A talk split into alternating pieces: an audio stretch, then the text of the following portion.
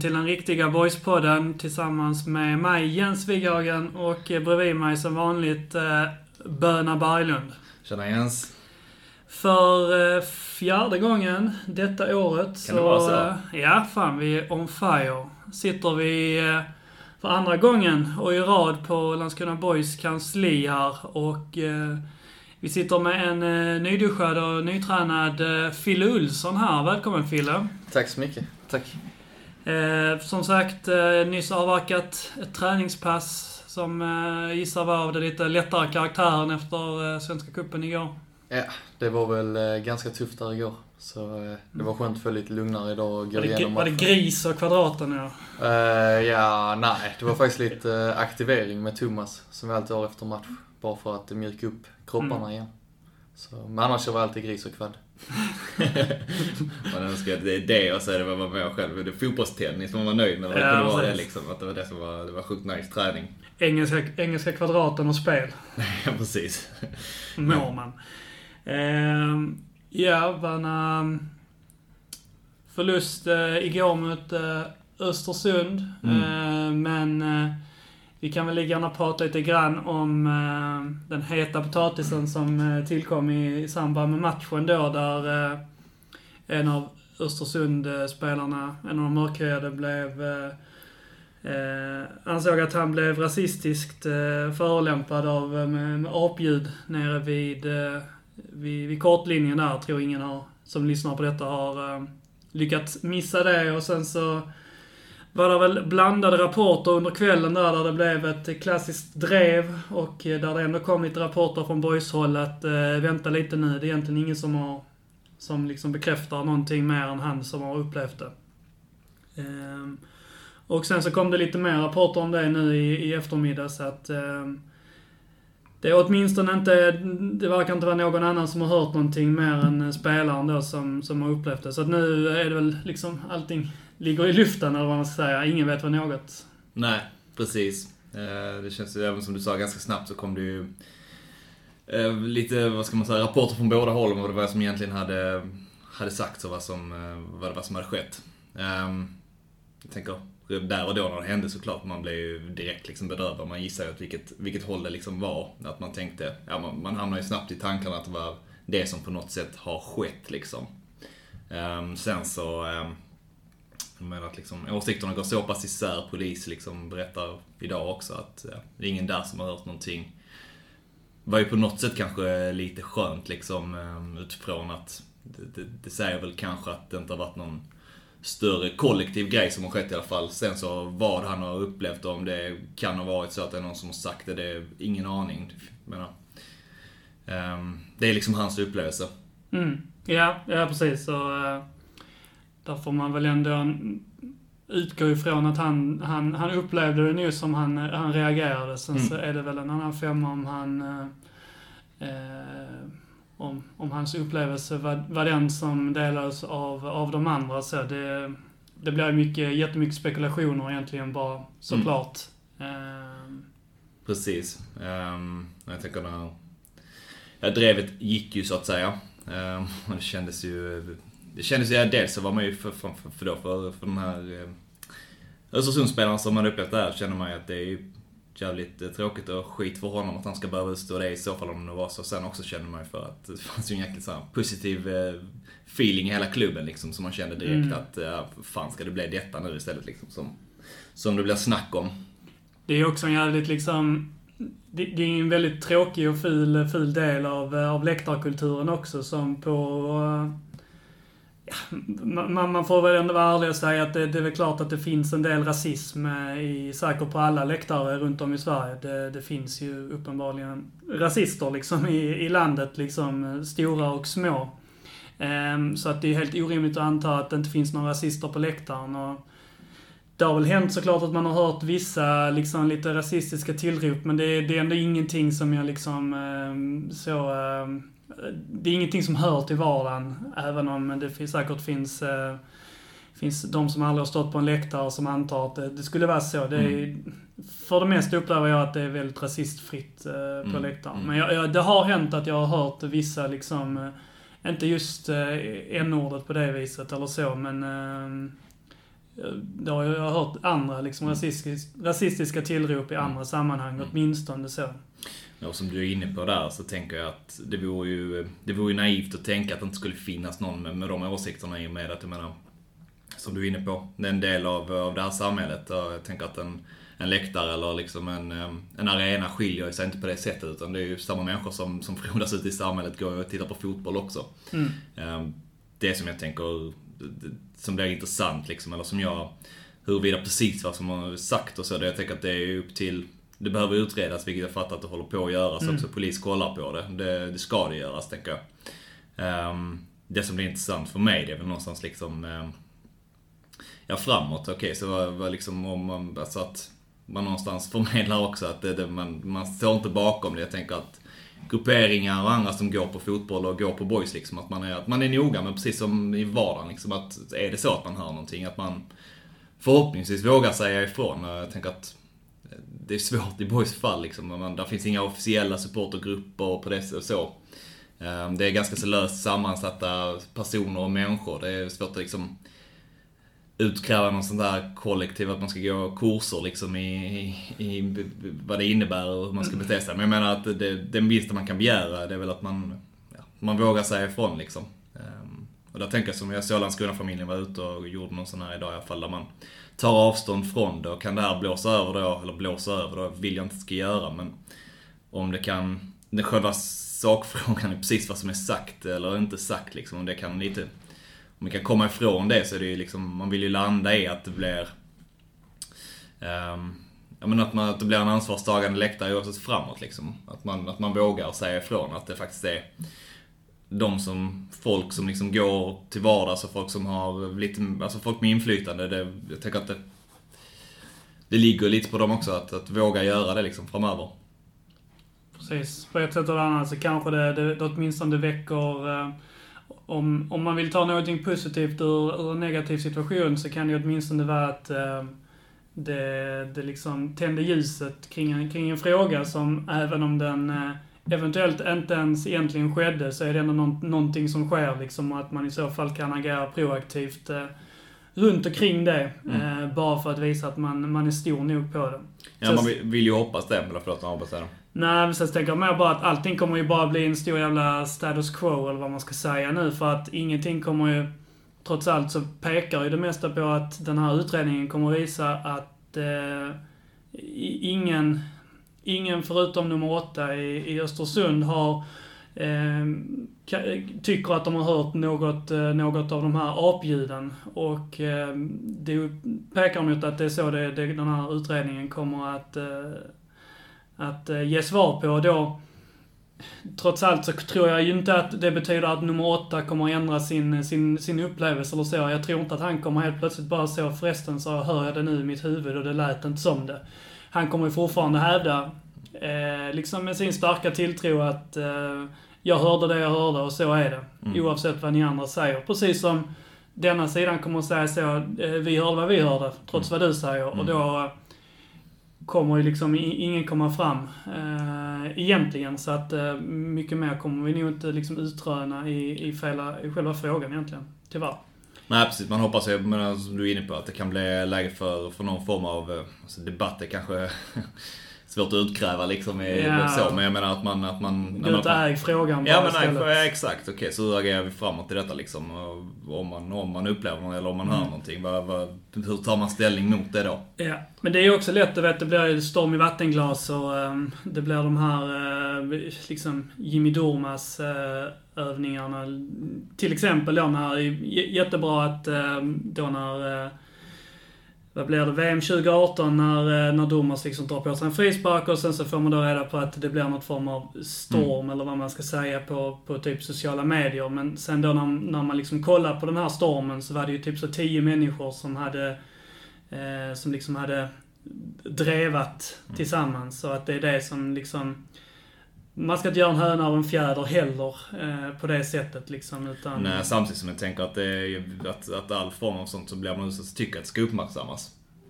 Um, alltså, alltså att jag tycker Mm. någonstans att eh, om det är det Öresundsspänn, till exempel i det fallet upplever att man blivit utsatt för, så tycker jag att de gör rätt som, som tar ställning i det fallet och liksom Där ja. Mm. och är tydliga med det. Sen så var, drevas det ju, drevades det ju extremt mycket och det verkar också vara rätt så mycket som kanske togs utan att, att det var liksom eh, klart vad som hade hänt egentligen liksom. Mm. Det menar att det är lätt att det är lätt att man inte ser de här sakerna liksom nyktert utan man agerar i, i antingen i, i ren liksom affekt eller eh, menar jag från egentligen båda sidorna av den här eh, bollen. Att antingen i ren affekt eller i ren, eh, vad ska man säga, damage control. Mm. Och sen så när man liksom kanske kollar tillbaka på, på en sån här händelse en och en halv, två månader senare så liksom så med perspektiv så, eh, så har man liksom kanske kommit fram till att eh, det antingen eller inte var, var lika illa som det hade varit. Till exempel nu när man kommer fram till att ingenting har skett heller. Det, för mig, det är också ett alternativ.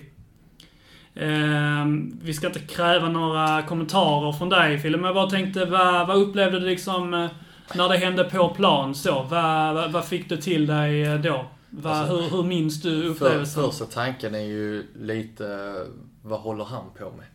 Eh, när han går upp mot vår publik och sånt så tänker jag, det kan ju inte bara vara eh, för att de hetsar och skriker lite. Och då tänkte man ju inte längre på att det skulle vara något rasistiskt eller något sådant. Utan då tänker man mer bara, ja men, du spelar i Allsvenskan, du borde väl klara av lite hets. Men sen när domaren väljer att avbryta matchen så förstår man ju att någonting, eller nu kanske det inte har hänt eller så har det hänt.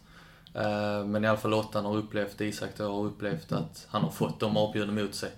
Och då, det finns ju inte så mycket för oss att säga utan det är bara, ja, hade han velat avbryta matchen där och då så hade vi ju såklart sagt, ja då gör vi det. Men hur eh, liksom berättar domaren för er så att Eh. detta, detta har hänt? Eh, vi får ju reda, domaren snackar med Vilas eh, och då säger även Vilas då till oss andra att då det har varit rasistiska tillrop och att han är, det kommer inte att ske något mer just då utan vi ska fortsätta matchen. Ehm, och samtidigt att då Isak inte kommer få, få rött kort eller något på grund av att han då går upp mot läktaren och Mm. säger vissa ord och sånt, vilket är en fullt naturlig reaktion med tanke på vad han har hört. Eh, och sen går matchen igång igen och det känns nästan som att vi, om man nu ska ta det in i matchen lite, vi tappar momentum tack vare det och de får en liten boost av det såklart. Ehm, men det finns inte så mycket vi kan, det är lite det vi snackar i omklädningsrummet och sånt, vi kan inte göra så mycket åt det just nu eller någonting utan det är bara att gå ut i sociala medier som Landskrona har gjort och sagt att vi tar avstånd från allting och, och nämner då vilka värdegrunder klubben har och hur man ska gå vidare i det. Ehm, um, samtidigt som jag tycker klubben har varit rätt noggranna med att ändå säga att de vill vänta på en utredning innan man gör något mer. Ehm, och även fast då, som ni sa, den utredningen kan visa att det är bara han som har upplevt det, så får man fortfarande ha lite respekt för vad han har upplevt och det ska man inte ta ifrån honom. Um, I och med det är ett sånt laddat ämne också. Ja, det kommer ju alltid vara så att den som, eh, den som blir utsatt för, för rasism eller det låter förminskande att säga den som upplever sig ha blivit utsatt för rasism, men om vi bara utgår från att han blev utsatt för rasism, den, dens, den människans eh, upplevelse kommer liksom alltid trumfa, eh, så att säga, den andra sidan. Och det är väl på något sätt den eh, det är väl det som ibland är svårt att eh, liksom hålla isär i debatterna. Liksom. Eh, att det är på något sätt liksom grövre för den som blir utsatt än för de som liksom är på andra sidan där och liksom debatterar för vad, vad man nu, liksom, vad ämnet nu kan vara. Och han, den personen som blir utsatt har alltid liksom tolkningsföreträde. Eh, och det, är- det är det man får förhålla sig till när det, när det handlar om, om, om rasism. Det är såklart svårt att gå vidare med vad man ska göra och liknande. Eh, Det är lite som ni säger, förhoppningsvis leder det i alla fall till att man gör något proaktivt mot då rasism. Även fast det kanske inte har eh, skett eller något sånt så är det lika bra att ta upp det en gång till och visa då vilka värderingar och liknande som man har. Och sen är det svårt som ni sa att man kanske inte kan tvinga en hel supportergrupp och gå på någon, ja, vad det nu är. Men ändå lägga ut det i media att man uppmärksammar ämnet. Som kanske jag inte har märkt finns i svensk fotboll lika tydligt som i vissa andra delar av Europa. Så det är ändå bra att ämnet kommer upp och det, det tas hand om. Mm. Mm. Um, om vi ändå liksom pratar lite grann om matcherna. Vi, vi pratade lite, lite löst här om det innan och så där. Um, du nämnde att du, um, du tyckte att det var något helt annat att möta Östersund än att möta Kalmar. Kan du utveckla lite grann om, eh, om det? Ja, jag tycker till exempel Östersund känns mer som ett färdigt lag. Eh, Kalmar har ju sin nya spelidé och allt med vad Rydström då ville att vi, ja, typ som att vi skickade tjongbollar och de försökte spela något jättebra spel. Men när vi mötte Östersund så kändes det som att de hade en, alltså de visste vad de skulle göra och de hade nog kollat på hur vi spelade. Eh, för ganska snabbt, så jag tycker vi är bra första 30. Eh, men de ändrar liksom uppställning, hur de ska försvara då för att ta hand om oss bättre. Och sen varje duell och varje, vad ska man säga, varje 50-50 duell kändes som att de hade en liten fördel. Jag vet inte om det är fysiskt eller det bara är att de är tekniskt bättre just i något utförande eller så, men man märker också att vi har något misstag. Gjorde vi något misstag mot Kalmar så kändes det ändå som att vi vann tillbaka bollen rätt snabbt. Men vi gör misstag, vi försöker spela där bak, det blir en hörna. Vi har inte släppt in många fasta, men här direkt vi möter lite bättre motstånd så ja, blir det mål på en fast och sen gör Murbeck ett misstag kanske när han glidtacklar istället. Mm. Det är sådana små saker som skiljer, tycker jag, dem mot oss. Att när det väl sker någonting för dem så, så sker det verkligen. Då, då händer det någonting. Då blir det mål. Medan vi kanske, ah, det var nära vi fick till det, men det var, är inte riktigt där. Vilket jag tyckte då Kalmar var likadana med att de var inte riktigt där, men när vi mötte Östersund så kändes det verkligen som att det var en nivåskillnad. Mm. Var det något, eh, något specifikt så du upplevde att de, eh, de ändrade i sitt spel för att eh, anpassa sig efter er, efter den här halvtimmen? Um, vad ehm. märkte du på plan liksom? Jag tyckte i början så fick jag rätt mycket yta när jag föll ut rätt så långt åt vänsterkanten. Eh, för de spelar med en fembackslinje och sen kör de tre mittfältare och sen två anfallare där den ene satte sig på Måns. Ehm, och de hängde inte riktigt med, de kunde inte riktigt prioritera rätt då, så då fick vi upp bollen, jag kunde driva fram den, vi fick lite bättre etablerat spel kanske ibland. Men direkt de ändrade det och de låste till exempel den bollen eller så, så då... Vi blev lite, vad ska man säga, stillastående. Vårt spel funkar inte riktigt. Eh, vilket är bra att ske redan nu. Um, det ty tycker ändå under förra året att vi har utvecklat vårt spel att är det något motståndarlaget gör, ja då kan vi ändå göra det på ett annat sätt.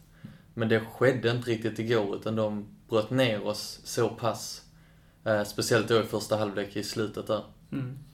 Jag vet att eh, Billy, jag såg någon video innan med honom idag, att han, ja, att ni skulle göra Nej, de hade kollat på video och ni skulle ha lite analyser tillsammans med laget också. Mm. Och sen hade ni en lugn träning på det. Vad, vad gjordes liksom för... Vad, det, vad, vad, gjorde man liksom för analys? Du hade din känsla från matchen ja. liksom. Vad är, vad är det som gör att man inte lyckas hitta något annat sätt liksom att luckra upp det på? Ja, vi kollar lite. Vi har ju... Vårt spel är rätt så, vad ska man säga, invecklat, skulle jag vilja säga. För folk utifrån. Uh, för uh, det var ju samma när jag kom hit i början, att är man ny i laget så är det väldigt svårt att hitta först din roll i laget, din position, men sen även hur du kan utnyttja det du är bra på i laget. Eh, så vi gick igenom lite hur vi, vi ska stå i vårt eh, uppspel, där vi hamnar lite fel kanske med Uttesson och både mig och Uttesson då som åtta. Det kanske går lite för långsamt från, från mittbackarna. Eh, lite mer, var kommer ytorna? Hur kan vi utnyttja dessa ytorna? Eh, men det har vi ju efter varje match. Så även fast han sa det just nu så, även fast vi vinner så går vi ju såklart igenom vad, vad kan vi utveckla? Och det, allting är ju en process och men vi, vi går igenom lite vad, vilka positioner kan vi utnyttja mer för att göra oss mer hotande? För vi är inte tillräckligt, tillräckligt hotande, tycker jag, i denna matchen. Är det det som liksom blev kontentan av det? Att det var snarare det här liksom att ni inte hotade tillräckligt för att göra mål mer än att ni blev sårade bakåt. Så ni mm. gör, gör ett gäng misstag som leder till att ni, ni tapp, släpper in mål. Jag skulle nog säga mer att det är att vi inte är tillräckligt hotande. För de misstagen som sker, de, de ska inte ske. Eh, det är väl snarare det, och nu blir det att det sker på en och samma match sker de misstagen. Ehm, men att vi inte är tillräckligt hotande, det är ingenting som bara, ja det dyker upp ett läge. Eh, utan det är att vi ska bli mer hotande. Vi har, vi fick, eh, det är något Y-scout heter det. Där såg vi att vi hade 65% i possession mot dem, mot deras 35, men hur utvecklar vi det till att göra mål? Det är väl lite där vi, vi kan fastna i vårt spel ibland, att vi inte hotar tillräckligt. Så jag vet många har varit inne på att det sker för lite saker. Um, så det är väl just där det brister i denna matchen tycker jag att vi skapar inte tillräckligt. Vi spelar kanske lite för mycket i backlinjen. Jag vet inte, vi lyckas inte hitta lägen att ta det framåt.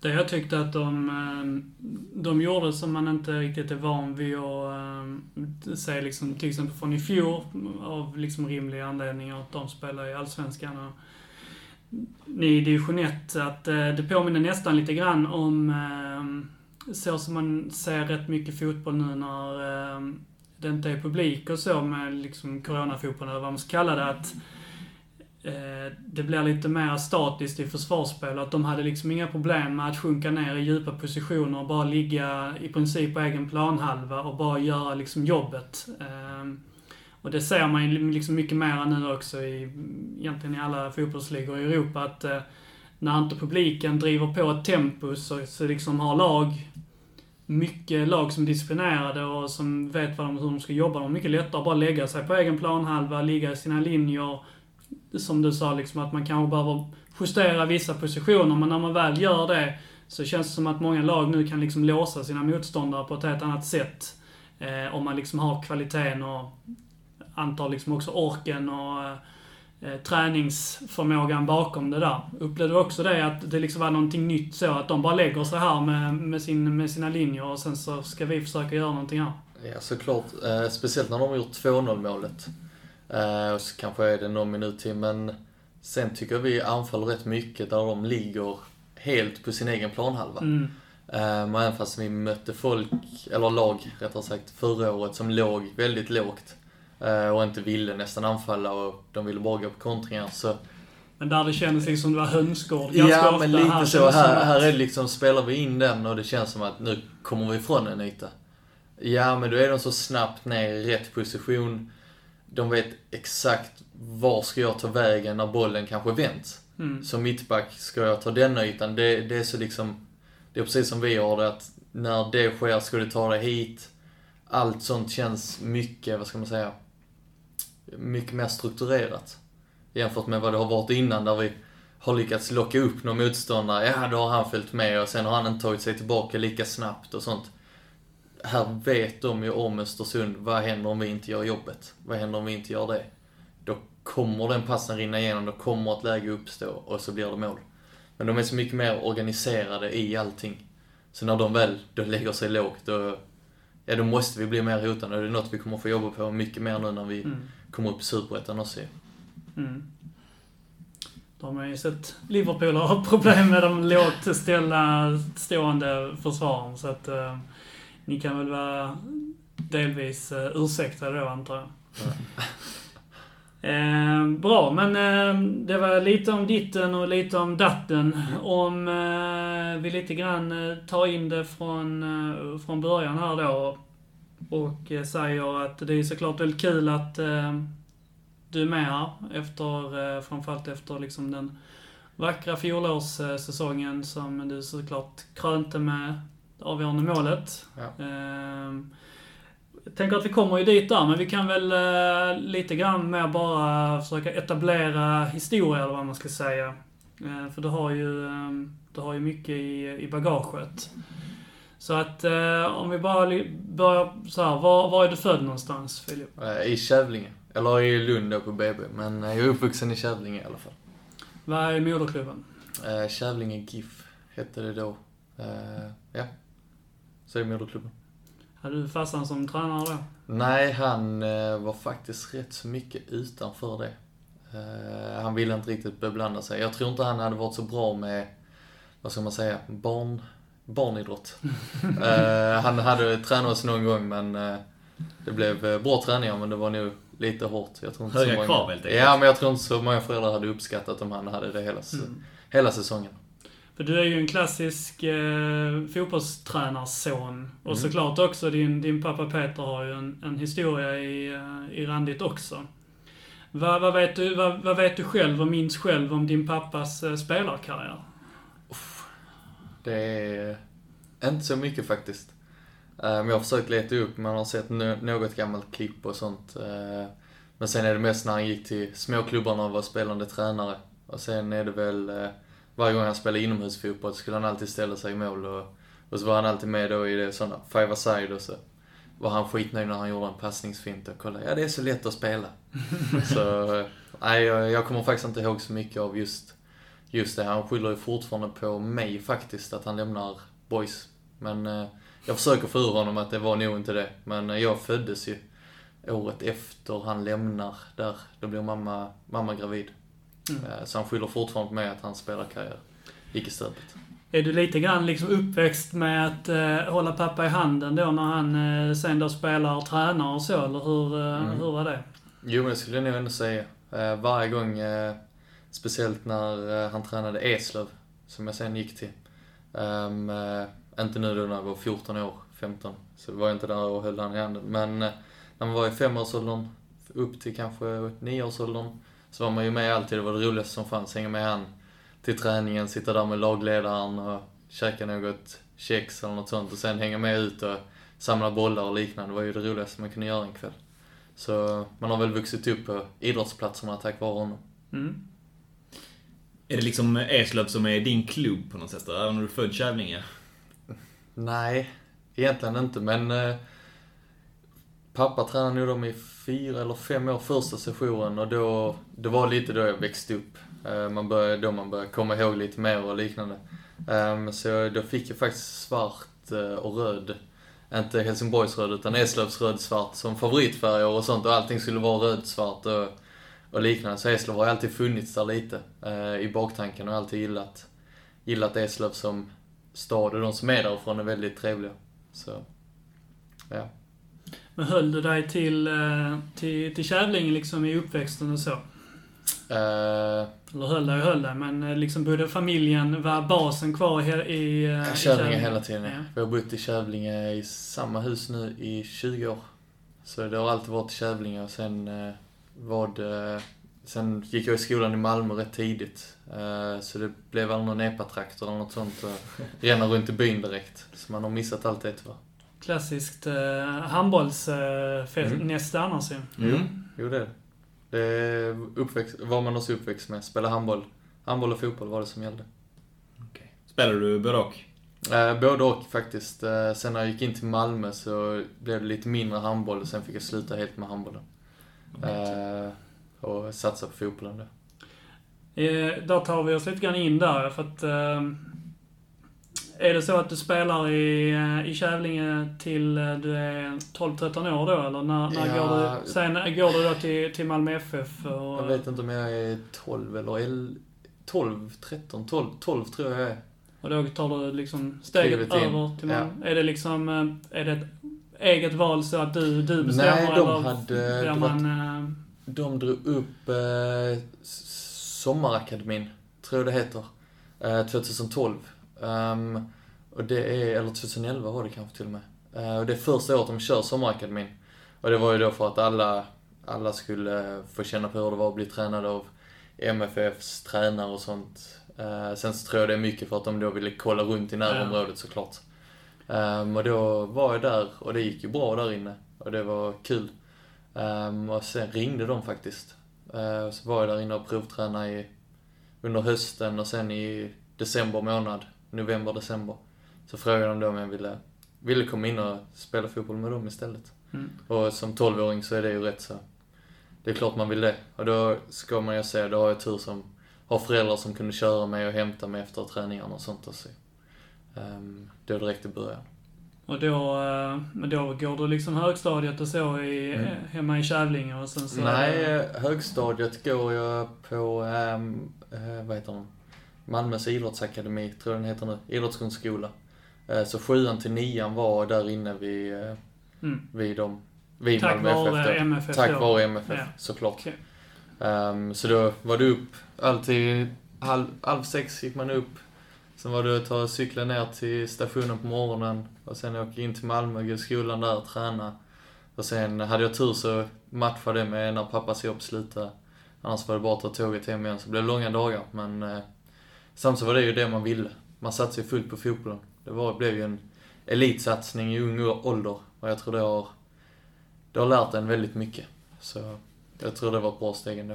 Men du, när du, när du berättar om det så låter det nästan som att du är liksom eh, loner liksom i, i Kävlinge som, som får det här erbjudandet liksom. Eller hade du fler? Hade du kompisar som också var inne på, det, på den vägen? Som var någon som följde med liksom? Nej, du... det var väl ingen som var, nu vill jag inte, nu är jag bra polare Ingen var lika dem. bra som du Nej, var. men det var väl lite så. Nej, men eh, det var väl ingen som riktigt satsade på fotbollen eller satsade, satsade på det sättet på någonting. Eh, Men sen när man gick in där då med fotbollen, det är ju klart, hela högstadietiden där man, alla de skaffade polare, Eh, de fick nya umgängen. Ehm, så klart man hamnar utanför där och det är många som i den åldern börjar gå på, vad ska man säga, klassfester och börjar bli ännu mer. Ehm, jag missar ju allt det. Ehm, så det är klart, jag var lite ensam eh, just när man kom hem. Men de som är i Malmö, man kom ju väldigt nära dem. Vi gick i samma klass, stack till träningen, så man fick ju nya kompisar där. Men sen, när man då slutade där inne och kom tillbaka till Kävlinge, då var det lite att, jaha, vem, vem ska vara med nu lite? Och då hade jag några polare som var, jag var väldigt nära så kom man in i deras umgängen. Men såklart missar man en stor del av en vanlig ungdoms uppväxt så att säga. Men hur är det, ehm, liksom när ni då, eh, är det i princip att man, att hela klassen går, eller att hela Mm. laget går i, i samma klass då? Eh, då när jag var där så var vi uppdelade på tre klasser. Eh, men då gick vi eh, med eh, simhoppare, ishockeyspelare, simmare, friidrottare. Eh, fanns ju badminton, tennis. Så det var ju en hel, alltså det var alla som gick där inne Ah, var okej. topp i sin sport i princip. Okej. De tennisspelarna var ju alla topp 50 i sin, alltså i sin ålder och sånt i Sverige. Och, så det var ju verkligen elitsatsning där inne. Sen är det väldigt, vill jag inte promota deras skola för jag vet inte om Landskrona har samma, men jag vet Landskrona har samma där med skolan var väldigt viktig. Klarar du Mm. inte ett ämne i skolan, nej, då var det två av dina fem träningar i veckan. Då fick du inte gå på dem.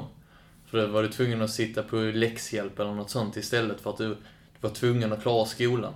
Mm. Jag tror den skolan hade högsta betyget, genomsnittsbetyget för de som gick ut i hela Malmö nästan.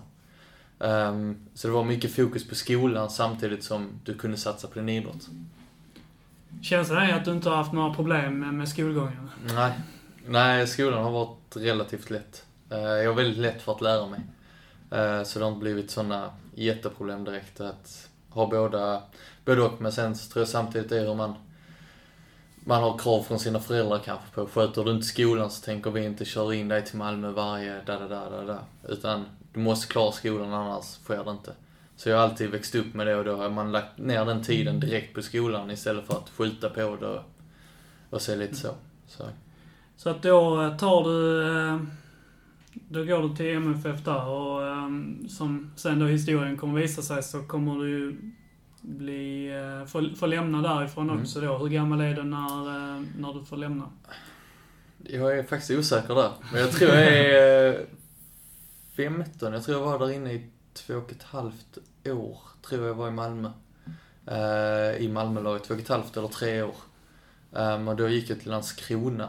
Uh, det var några andra klubbar också som jag var, var och testade med. Men då fick jag, ringde vi till Landskrona. Eh, uh, då Pennyturtle-laget. Um, ehm, och så fick jag, de bara, ja kan du spela match ikväll typ? Ja, ja klart jag kommer att spela match. Jag spelade en prov, provspel direkt och sen sa de, ja, det är konkurrens men, men ja, vi, vi vill gärna ha det hit. Okej. Och då spelade de i samma serie som eh, då vi spelar med Malmö. Um, och då har jag fått från Malmö att du kommer nog vara en bänkspelare. Uh, det kommer kanske bli 45 minuter på helgen, lite då och då. Och så, för då var det Oskar Pettersson som är här nu. ehm, och Mattias Svanberg. Som det har gått ja, rätt så mycket bättre för. De var ju inom mittfältare också, så det var väldigt tuff konkurrens just på innermittfältet. Men eh, eh, så då var det ett självklart beslut för mig att gå till Landskrona och då, man hade ju bara hört bra om Landskrona då.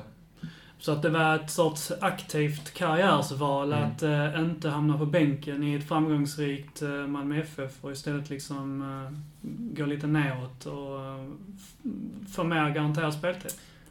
Ja, lite så faktiskt. För man, just i den åldern så vill man ändå spela. Mm. Eh, och jag hade jättekul inne i Malmö, det var jättebra träningar och liknande. Men Mm. just då kände jag att nu måste jag spela lite fotboll. Ehm, och jag var rätt så liten på den tiden också. Ehm, jag tror när jag kommer till Landskrona här så är jag bland, nästan bland de kortare i laget. Men efter tre månader är jag bland de längre. Så jag växte väldigt mycket när jag då gick till Mm. Landskrona. Eh, så det blev ju bra för min utveckling då, så att få spela samtidigt som kroppen började växa och jag fick lite mer muskler och liknande. Det, det låter så spontant som ett svårt beslut att ta för en, eh, för en 15-åring. Att liksom ta ett, eh, ett moget och ett eftertänksamt eh, beslut. För jag tänker att eh, ehm, det vanliga scenariot är väl trots allt att man kanske bara, bara eh, kör på och liksom väljer lite grann prestigen av Malmö FF. Men också tänker jag att det måste vara svårt att eh, som 15-åring ha tillräckligt mycket självinsikt för att, för att fatta att eh, jag kommer nog inte liksom klara detta. Eh, hade du den liksom insikten som, eh, som så ung? Eller var det liksom att din, din pappa så uppmärksammade dig på det? Hur, hur fick Det- du det? Det är väl både pappa, men sen samtidigt tränarna som jag hade då, Jörgen Olsson eh, och Per hette han andra. Ehm, de var också väldigt raka och tydliga med att du får inte den speltiden som du behöver, men du kan få träna här inne då enbart, inte bara skolan, utan enbart med MFF. Du kan fortsätta träna med oss en till två dagar i veckan beroende på hur träningarna ser ut i Landskrona. Vi har dessa kupperna här som vi gärna vill att du hänger med på. Alltså det var mycket, jag tappade liksom inte kontakten med Malmö.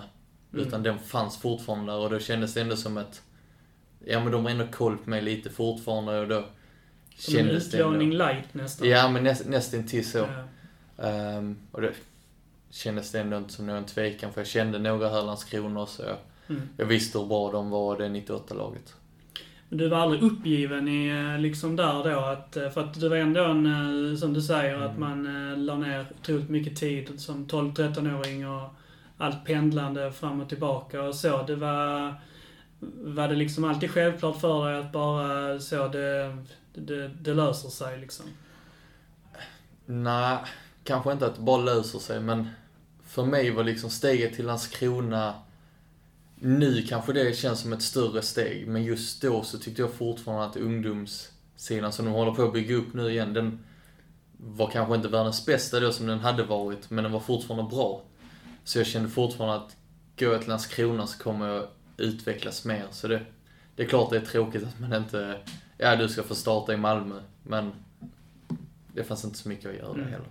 Så det var inte så jag gick runt och tänkte på det att, oh nu har jag lagt ner hela min tid där. Och sen den elitsatsningen fortsatte, men istället i Landskrona för Malmö. Så, så skulle jag väl ändå vilja säga det istället. Mm. Mm. Men du, du kommer till ett boyslag så här då, som är um, ett bra 98-lag då, Mm. tänker du? Är det några som, så, som, är, som är kvar liksom? Är det någon som är... Det var Patrick. Patrick ja. Patrick är det laget? Okej. Mm, Patrick var i det laget. Sen så hade vi eh, en som hette eh, Leo Abarca som var väldigt duktig. Lukas Fritz var så väldigt duktig i ungdoms... Alltså alla de var, alltså hade spelat i U-landslaget. Okej. Eh, fått några matcher där, varit med i Skånelaget. Mm. De kom väl åt, jag, nej, de kom jätte, högt upp i den eh, Lomma som var SM för 13-åringar. Eh, ett eller två år innan också. Ehm, och hade en, just då vid den, det tillfället när jag gick dit, en bra tränare vid Sebastian. Eh, som ville spela fotboll. Ehm, så deras fotboll tilltalar mig mer än vad kanske Malmös fotboll gjorde. Okej. Eh, Så just... Det var nästan så Lands, äh, mötte vi Landskrona med det 99-laget så skulle nog Landskrona nästan ha vunnit flertalet gånger skulle jag säga. Okej. Ehm, men du kommer, kommer hit här då i alla fall. Mm. Um, ganska snabbt i, i, i klubben liksom, eller i laget då verkar det som, när du kommer in i det. Vad är du för, du sa du är ganska liten när du kommer liksom. Är du, är du den Filip Olsson-typen av spelare redan då? Eller vad- är du för en typ av spelare som kommer till BoIS som, som 15-åring? Jag sprang fortfarande väldigt mycket då. Det gjorde jag. Eh, väldigt mycket. Um, och sen så hade jag rätt bra passningsspel. Uh, var väl lite mer en... Eh, vände på spelet lite mer som bara två tillslag och så var väl inte den som drev fram bollen direkt. För jag hade inte riktigt den, den speeden eller den, vad ska man säga, fysiken att kunna göra det på det sättet. Utan jag var mycket mer passningsorienterad och så sen då spelförståelsen att var ska jag ställa mig och hur ska jag spela den bollen. Det var lite mer det som var min styrka då. Eh, så jag har väl ändrat rätt så mycket tycker jag nu under de senare åren ändå. Ser du det som det ändå? Någonstans, du var inne på det innan, liksom, att du, du har lagt ner mycket tid på det här tidigt, verkar som du har gjort aktiva val eh, när du var väldigt ung, liksom, att, att välja det här med välja fotbollsspåret. Liksom. Ser du det som någon form av mer, alltså, man brukar prata om det, tänker jag, när man, när man ser spelare som kommer fram och som börjar komma uppåt, att om det är liksom en talang mer, eller om man är mer liksom en träningsprodukt. Det är svårt faktiskt. Eh, svårt att nämna sig själv som en talang också, det får jag ändå säga. Men eh, klart man, alltså alla som var i Malmö hade en viss talang för fotboll. Och sen, jag tror du måste ha en viss talang för att ta dig bara hit i denna åldern också. Du kan inte, inte bara vara en ren träningsprodukt, tror jag redan. Um, såklart du kan springa, men just det med, med bollen, att kunna se vart, vart en yta skapas eller något sånt. Det tror jag är en liten talang och att du då är van vid det sen tidig ålder kanske. Ehm, till exempel, jag tror många blir bättre om du satsar väldigt tidigt. Ehm, jag tror, det är såklart vad Bilstrand och bra han har blivit nu och han har inte satsat i ungdomen eller något liknande. Men vill du lyckas tidigt så måste du nästan ha, ha satsat också. Väldigt tidigt skulle jag, skulle jag tro. Ehm, men en blandning, absolut. Du måste lägga ner jobbet ju.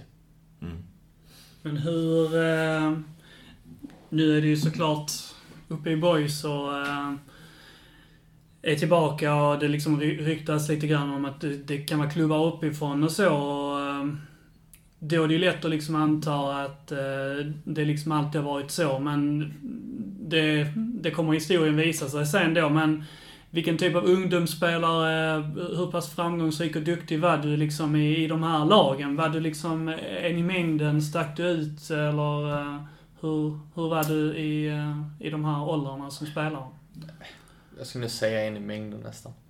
Alltså jag stack inte, verkligen inte ut. Uh, här i Landskrona i det 98-laget stack jag inte ut på det sättet att jag var så sjukt mycket bättre än någon annan på en viss sak. Utan där var redan så bra spelare, tyckte jag. Eh, utan det var väl snarare att jag var fortfarande ett år yngre. Men jag kunde ändå konkurrera så pass mycket på den nivån och då med 98 som skulle vara bland de bättre i landet. Eh, Det är väl snarare det som har då gjort att jag stack ut här i Landskrona. Men i Malmö var man ju absolut en i mängden, en som gjorde sin roll i laget nästan. Det är ju inte så att jag gjorde massvis med mål, eller har gjort massvis med mål någon gång under Mm. min karriär innan. Eh, Du, eh, du var ju såklart inne på det då att du, du liksom kampades med, eh, ja men till exempel Oskar Pettersson då som var en framgångsrik ungdomslandslagsspelare och Mattias Warnberg som spelar i Bologna nu.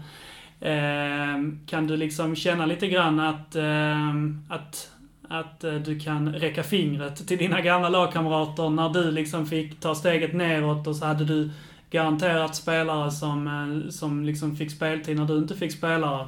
För jag gissar, eller spela, Mm. gissar att eh, ni kan inte vara hur många som helst som spelar på den nivån, eh, ja men superettan nu liksom. Nej, såklart. Hur många, till exempel hur många, hur många minns du från din, din tid i Malmö som tog sig till, till din nivå? Just superettan nu eh, är det ju inte kanske hur många som helst, men vi hade ju Svanberg, vi har Mattias Nilsson som står i mål i Malmö, men som har varit lite utlånad då i division 1-klubbar. Um, Annel eh, i Malmö, mittbacken. Ahmedhodzic. Ja. Ja. Mm.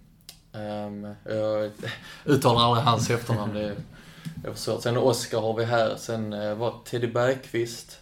Han har ju haft några sessioner som kanske inte har varit hur lyckade som helst, men bra fotbollsspelare. Eh, sen Max Olsson, eh, som spelade Sylvia förra året, som nu går till en superettan-klubb nu igen. Um, sen är det Laurent Chabani. Eh, han spelar i Sirius nu tror jag. Eller vet inte om han gick till ett annat lag. Eh, Felix Hörberg som vi mötte igår. Han blev också som mig, fick också samma, samma alternativ, typ att antingen så lämnar det eller så blir det mycket bänk, typ. Mm. Eh, Och det gick ju bra för honom också. Ehm, Så det är klart att vissa där inne som nog gick runt och sa att du är så dålig, eller du och jag är mycket bättre än dig. Det är klart man är glad över att man har Mm. motbevisat dem, men det är ingenting man man tänker på så mycket nu. Mm. eh, på samma sätt. För det är ändå rätt så många, den 99-kullen var, eh, var väldigt framgångsrik, skulle jag säga. Är det någonting liksom med att du... Eh, du är ju fortfarande inte världens eh, liksom, mest fysiska spelare och eh, liksom den, den långa gängliga typen. Jag kan gissa att du var liksom ganska tunn även som, eh, som, som tonåring. Eh, Ehm, kan, kan du känna att det, det var liksom någonting du, du hade emot dig? Att, du, ehm, att de inte kunde se igenom den fysiska mognaden i jämförelse med andra? Jo, men faktiskt absolut. Eh, det kan jag nog hålla med om lite att eh, jag är fortfarande inte den fysiska kanske på överkroppen, men mina ben och är rätt starka. Eh, vilket då kom nästan efter ett tag när jag hade varit i Landskrona. Men just då i Malmö så var jag väldigt smal. Jag var inte snabb och den fotbollssnabbheten som jag hade då var inte tillräckligt snabbt. Eh, Så det är såklart att, men sen är det också, har du någon annan som är bättre än mig just då, då är det klart att Malmö kanske inte lägger ner tiden Mm. på mig. Det har de inte råd med heller kanske. Att tänka, jo men han kanske kan bli bra när han växer lite. Det är ju inte så de kanske tänker just då, utan då har de någon som kanske inte heller hade växt så mycket, men som var lite bättre än mig, lite snabbare. Mm. Då väljer de ju såklart den personen. Ehm, så det är klart man hade önskat att man kanske hade fått något, något år till. Just att visa med det fysiska att eh, när det väl kommer så kanske det, det hade kunnat gå även där inne. Ehm, men då kanske man, då vet man inte om jag hade varit här idag. Det är ju, det är När är du, ehm, random fråga, men eh, när är du född på året? Eh, april. April. För jag tänker att du är lite grann av... ehm, ehm, du, du är ju som en, ett, ett skolboksexempel på eh, att eh, akademier i, i Sverige, att man har problem att, eh, att liksom sålla i, i, i sina talanger. Eh, och att kunna se vem som, vem som liksom klarar det och vem som inte klarar det. Och det vanligaste det vanligaste, liksom, det man brukar kolla på, det är ju till exempel alla ungdomslandslag och så, där man, där man då kan se att i så P16, P17, U19 och så vidare, så är det ju alltid en, eh, en jättestor, eh, eh, ett jättestort överflöd av människor, eller pojkar och flickor som är födda Dels liksom första halvåret, men även liksom att det är helt överrepresenterat första kvartalet. Medan när, så fort man kommer upp i en A-trupp, eller, eller man kommer upp i A-landslag för den delen också, så är det liksom alltid eh, mer eller mindre jämnt fördelat. Folk är liksom födda till lika mycket på alla, alla sätt och vis. Medan i, i ungdomen så, så blir det liksom någonstans att man, man hittar den fysiska mognaden och att det är, det är klart, alla vi har liksom spelat ungdomsfotboll och alla har ju mött någon någon 15-åring som liksom bara var Mm. ljusår över alla andra rent fysiskt liksom. Ja. Det är ju så jävla svårt såklart för till exempel ett MFF-lag att liksom se igenom det jämfört med en liten tanig Filip som är, han är Mm. ganska duktig med boll, men ja, Ja. han kan inte springa ifrån uh, varenda backlinje i hela Sverige för att han är fem år äldre fysiskt jämfört med, Ja. med sina lagkamrater. Men vi hade faktiskt en sån undersökning just på den akademin där inne i Malmö. Och det visade sig att ungefär två, jag tror vi hade två personer eh, som var mot hösten och senare. Som inte låg på sommaren då, ta augusti också. Um, då tror jag det var två stycken som låg på sista fem månaderna bara, eller något sånt, två, tre stycken. Mm. Och det var vi 25 stycken i den klassen Mm. eh, med fotbollen. Så redan där visade det sig att Ja. Ja, men hur man vet ni att de inte kommer att vara bra om ett halvår? Mm. Alltså det, det var lite det och det, det har väl kommit lite så future-landslag och liknande som ska plocka upp de som är eh, sent födda eller de som är lite, lite mindre. Mm. Eh, vilket jag tror nog är en bra grej också för då, då kommer de uppmärksammas, de som kanske inte är fysiskt redo än. För det, speciellt med killar så tror jag det, det syns väldigt tydligt vilka som har växt och vilka som inte har växt. Och de som är långt framme i den mognaden har en väldigt stor fördel i. Ja, jag tänker nu, nu blir ju sagan en, en eller sagan, den är väl inte, den är inte slutskriven på något sätt så, men jag tänker att i, i ditt fall att du ändå, du sitter här idag liksom och tagit dig till, till, till Superettan liksom. Men det, det finns ju ett, det finns ju ett annat något av dem som inte riktigt då kanske fångas upp eller som inte är riktigt lika, eh, lika långt, alltså vad ska man säga? Um, som inte är lika långt framme um, och som får, får reda på att man får gå för att man helt enkelt är, näst, nästan för att man är född sent på året. Ehm, som inte klarar av att ta det här steget tillbaka någonstans och växla ner eller ha det huvudet med sig. Ehm, så som du säger så tänker jag, det är väl eh, klockan att fånga upp, fånga upp det liksom. Men, men vad ser du egentligen liksom? Är, för du var inne på det innan, liksom, du har haft läshuvud och du stöd hemifrån och sånt liksom. Men vad är, vad är liksom den stora grejen att du ändå har, har lyckats med detta tror du? Liksom, att ta dig igenom? Ja. ja det är svårt faktiskt. Uh, men jag kommer ihåg vi hade Johnny Lundberg uh, som tränare det sista året jag var här inne. Jag fick spela med 99 och 00 um, uh, Ett konstigt år, så att säga. Men då sa han också även när jag lämnade att är du, det bra, är du tillräckligt bra så kan de inte säga nej. Och det har även eh, fått höra hemifrån att är du tillräckligt bra så kommer någon ringa dig. Det är inte så att du... Det är inte så, ja, den tränaren är emot dig. Ja, det kanske han är, men är du tillräckligt bra så kommer du komma tillbaka. Uh, och det var lite där Johnny tryckte också på under, speciellt under, uh, efter, mot sommaren där, att när jag tyckte det var rätt jobbigt att kämpa på och så, för även om du får lämna så är du tillräckligt bra så kommer du nå tillbaka. Det var lite det jag har tänkt på under hela tiden, även fast man i ESO kanske inte skött... uh, kosten skötte man väl rätt så bra, men eh, andra saker som man fått här eh, kanske inte sköttes lika bra, men det var ju även en sak att hitta tillbaka till det roliga. Och jag kanske behövde ha två år med det där i och med att jag hade satsat så tidigt så kanske jag behövde två år där det var lite mer lugnt. Men jag kunde ändå ge fullt i fotbollen. Men det var lite annat. Det var inte bara fokus på fotbollen utan det var även fokus på det sociala, det runt om. Eh, och sen visade det sig att är du tillräckligt bra så, så kommer samtalet komma igen. Och det, det hade jag turen, så det, det är väl bra att fortsätta kämpa, men det kan vara väldigt tufft då. Att fortsätta kämpa om du då blir först uh, då berätta för att du är tillräckligt bra och sen går du till en division 3-klubb. Där det inte alls är lika seriöst. Men var det alltid en, eh, var det alltid en självklarhet för dig att så, detta är inte, detta är inte över? Kände du alltid så? Jo, men det kände jag ändå. Eh, speciellt eh, så kände jag att jag, alltså när jag gick till Eslöv var jag då 17, jag skulle fylla 18 året därpå ja. Så jag var 17 där och mötte seniorfotboll och jag märkte att detta, detta är mycket svårare än vad, jag, vad det har varit att spela ungdomsfotboll. Eh, så re, redan då när jag kände att här kan jag utveckla något. Här måste jag skydda bollen på ett annat sätt, jag måste dra nytta av min kropp. Um, då kände, jag ändå att, fan, köttar jag på här så är det klart att jag kan komma tillbaka. Jag har många år på mig att, att ta mig tillbaka. Mm. Och då kände jag lite det här med att ni snackar om att man kanske wastear de åren du har lagt ner ungdomen och då var det några nätter där man tänkte att det, jag ska inte ha åkt tåg in till Malmö varje dag i veckan för att sluta upp och spela division 4. Inget illa mot de som spelar division 4, men den tiden jag hade lagt ner och all energi, mm. då ville jag inte göra det.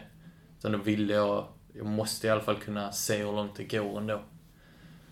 Men kände du att eh, när, du, när du lämnade Boys att du egentligen, att du hade blivit eh, felbehandlad då? Mm. Att de hade tagit fel beslut? Ja. Jag tror många, jag tror ungefär hälften av de som var i Boys tyckte också. Men, eh, att du fick lämna. Men mm. nu om rent praktiskt så, var du en sistaårsjunior när du lämnade till exempel? Nej. Nej, jag lämnade när vi skulle upp till U19. Um, ehm, ja, eller var det upp till U Nej, upp till U19 var det. För du ehm. spelar säsongen i, i U17 mm. och när du då ska ta steget upp i U19-truppen så blir du petad då eller lämnar du? Uh, då blir jag petad. Eh, då spelar jag hela U17-säsongen med, eh, med 00 och 99 och då var jag inom mitt fältare. Ehm, och vi hade någon högerback i vårt lag, A-laget, eller U19 behövde en innermittfältare, ja då togs högerbacken upp istället för mig. Ehm, och det var då samma tränare som vi hade haft då i U16, den 98-tränaren som var väldigt bra. Ehm, så det blev väl en personlig vendetta mot mig eller något. Det, och då, då blev det att, nej han ska inte upp. Och det, det får jag köpa då. Tyvärr, men det, det är klart det var ett tufft året när hela tiden så visste jag om att jag kommer inte få chansen. Och så kom vi hit så hade vi två veckors provspel då vi från U17 som skulle träna då med, vad var det, 98, 97 och så några 97 som var kvar. Och då var jag väl tillsammans med en annan bland de bästa på de träningarna och jag kände att, ja detta, detta var ju inte så, så jättesvårt direkt utan att säga det med någon, vad ska man säga, för, tro, för mycket tro på sig själv så var jag ändå bland de bästa där. Um, och sen när vi då träffas så säger de till mig att nej, du är inte tillräckligt bra. Nej. Nej, nej. Och så frågar jag den andra assisterande, håller du oss med? Ja. Ja, då, då finns det inte så mycket man kan säga. Utan det var bara, det hade jag i och för sig bestämt mig att, för att lämna, för då skulle han vara tränare under nästa år ändå. Uh, I det U19-laget och då visste jag att då, då fanns det ingen riktig chans ändå. Men då var du egentligen, för att först när du kom till, till mm. Boys så var du, då trivdes du med mm. Sebastian som mm. tränare. Men sen då um, så förstår man ju liksom när man, när man kan sin historia och liksom läser, läser mellan raderna så du spelar ju liksom i den här, uh, ja, mm. Ed, Edvin Kondrup uh, ja. är ju spelaren som du, du nämner då. Och det är ju en, uh, precis, det är ju en, en etablerad sanning att det liksom gick mycket rykten att han blev förfördelad upp i, upp i A-truppen där. Men mm. vad sa du att de han var till exempel ytterback och när det skulle tas upp en innermittfältare så Ja, just Edvin var typ, då hade han redan flyttats upp. Mm. Eh, då var han mittback först. Eh, och sen blev han innermittfältare.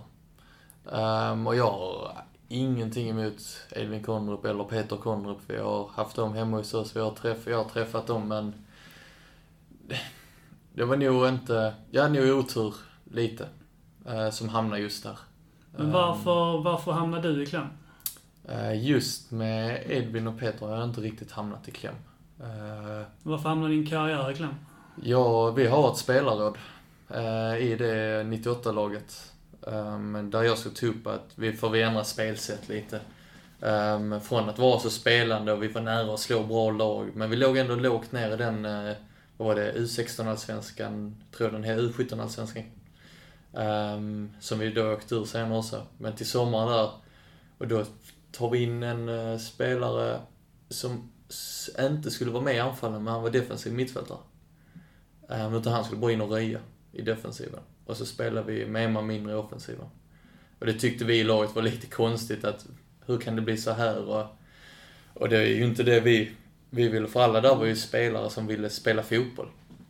Eh, och då tog vi upp det med tränaren precis som man gör utan att så, och, och då blev det, föll lotten på mig att få vara med i spelarrådet, så då tog jag upp det och, och efter det spelade jag inte, startade jag inte en enda match. Så det, det var lite tråkigt. Jag kanske skulle, sen är du, hur gammal var jag då? 15, 16 och de säger att det är ett spelarråd och man ska kunna ta upp vad som helst och vi har då kommit fram i det i gruppen att nästa spelare kan vi väl bara höra varför vi ska spela på det sättet. Och det var ju ingenting, har det tränaren säger det är det som gäller, utan det var mer en förklaring som vi då skulle kunna ge till de andra. Eh, men efter det så spelade starten inte med. Så det var väl där det började. Det var då den tränaren. Så han tog väl det personligt att jag... Mm. Det, det är också otur, väl. Men det var ju inte som jag menar mot honom just personligen, utan det var väl mer en fråga från hela gruppen. Uh, tyvärr. Och, mm. och så blev det. Så då får man ändå liksom eh, det är klart, alla, alla, alla, jag förstår att alla inte liksom har, har helkoll på det här med boys, med, med ungdomsavdelningen och så liksom. Det är då först, först är det U17.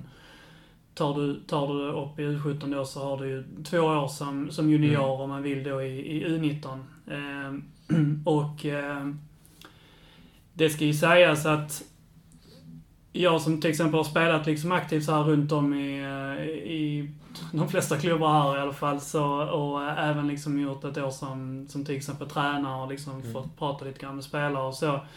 Det ska ju sägas att de flesta spelarna som lämnar Boys U17 Det vill säga de spelarna som i ditt fall liksom bedöms inte vara bra nog för att ha stegat upp i U19. Det är väldigt, väldigt få av de spelarna som håller någon direkt hög nivå. Mm.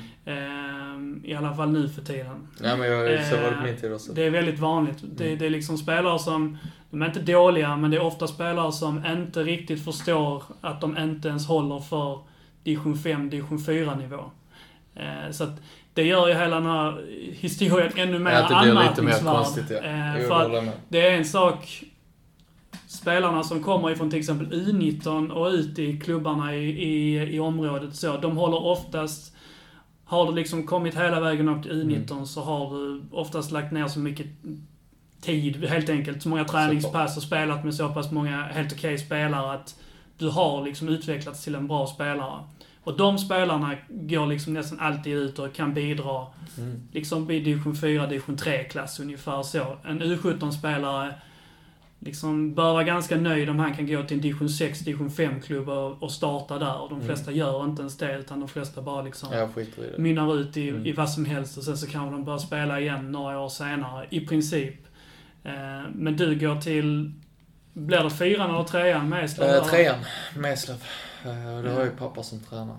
Vilket kan vara lite konstigt, men det, det funkar väl ändå hyfsat tyckte jag. Hur var första året som eh, seniorlagsspelare där då, när du så ung? Du var inne på det att det var en stor Ja, skillnad. stor liksom. skillnad. Eh, faktiskt. Man tänker ju liksom, uh, var och kolla på Dösjöbro, uh, Kulladal. Alltså det kändes som lag som du inte hade mött innan direkt. Eh, just tack vare det med U19. Och att, eh, eller U17 förlåt. Och att du varit då i ungdomsakademi och liknande. Eh, men det var svårare än vad jag trodde. Mycket svårare. För det var inte lika mycket tanke, men just det fysiska med att de bara kunde springa och pressa och bara springa ner dig. Ja. Alltså det var lite mer det att du var hela tiden tvungen att vara lite snabbare och alla passningar gick lite snabbare fastän det kanske inte var samma kvalitet. Så det var mycket mer kraft i allting. Um, så första senioråret, vi är många ungdomar där. Vi är många från eh, då det U17-laget i Boys som går till, lands- eller till Eslöv faktiskt. Um, så vi är ett väldigt ungt lag och första året hade vi lite problem med det. Just det fysiska. Vi tappade in lite för, för lätta mål och lyckades väl inte göra så många mål framåt alltid. Men vi slutade väl på en fjärde plats första året där vi låg på kval neråt efter halva säsongen. Så vi vinner typ alla under hösten. Jag tror vi förlorade en match under hösten.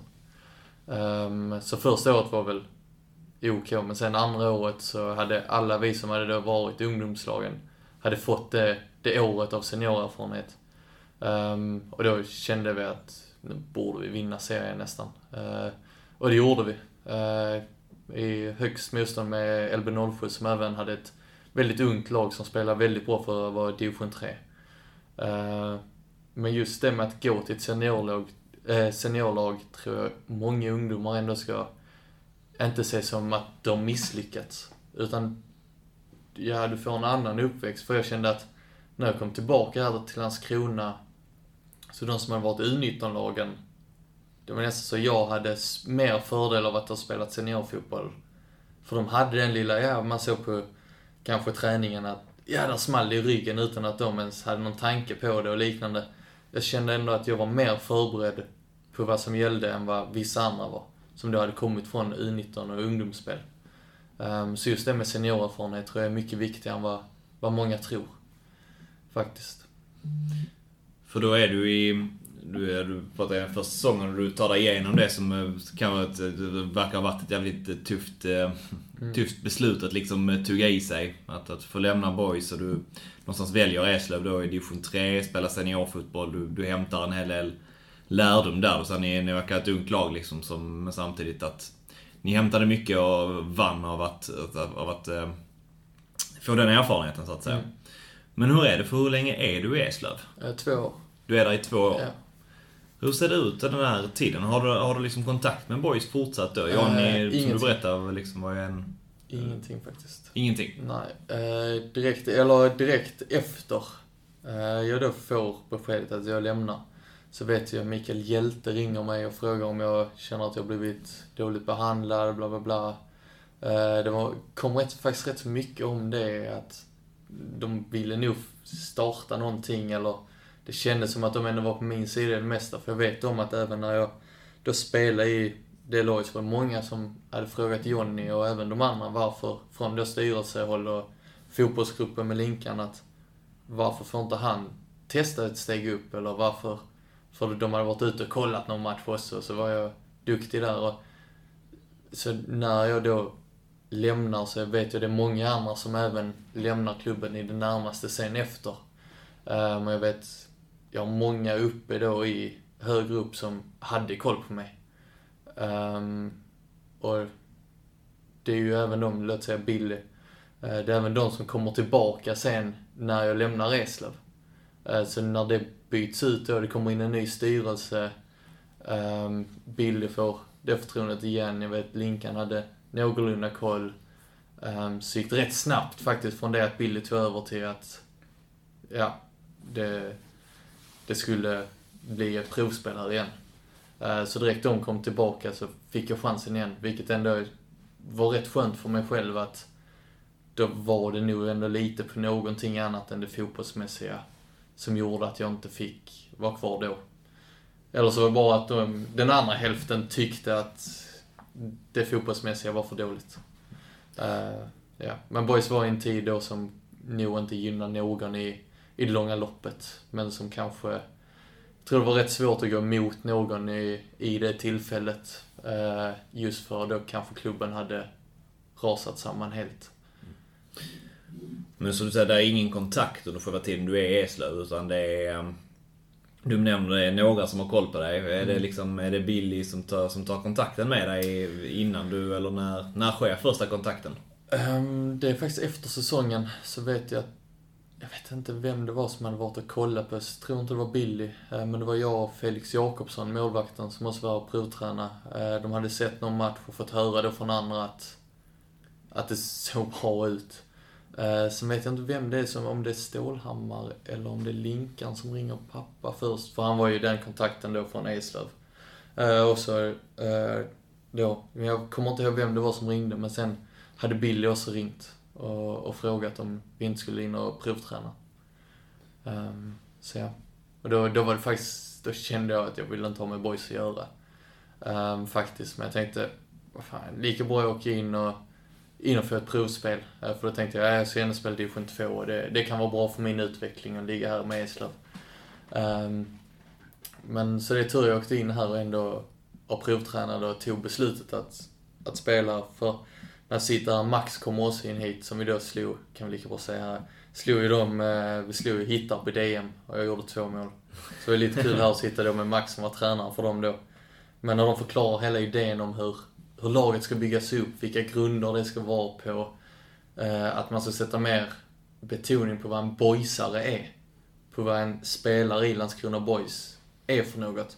Då kändes det som att detta kommer, kan ju vara ett år, mellanår, men jag vill vara med på denna resan kände jag tidigt då. Och så kändes det ändå bra på träningarna och de tyckte det så, så hyfsat bra ut och då... Jag tror inte det är många som hade tvekat på att tacka ja då, faktiskt. Ja, för det är på ett, som du är inne på, det är på, det är på ett provspel som du kommer hit Mm. eh, först och främst. Ehm, du har vunnit lite senior, seniorerfarenhet, men jag tänker ett lag som precis har åkt ner från Superettan uh, jämfört med vad man kommer från i division 3 ändå en dag. Hur var det att komma liksom eh, första gången? Hur kändes det? Du... Det var faktiskt eh, stor skillnad. Bara att gå in i omklädningsrummet kändes lite så, shit vad coolt. Eh, för man har alltid, jag har kollat väldigt länge på eh, Landskrona.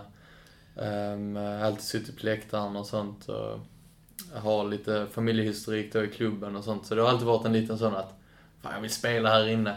Och så kommer man helt plötsligt in i omklädningsrummet, sitter Fille Andersson där som har spelat hur länge som helst och så, vad fan, ja, ja kul, ja, när jag kom från Eslöv. Eslöv, ja.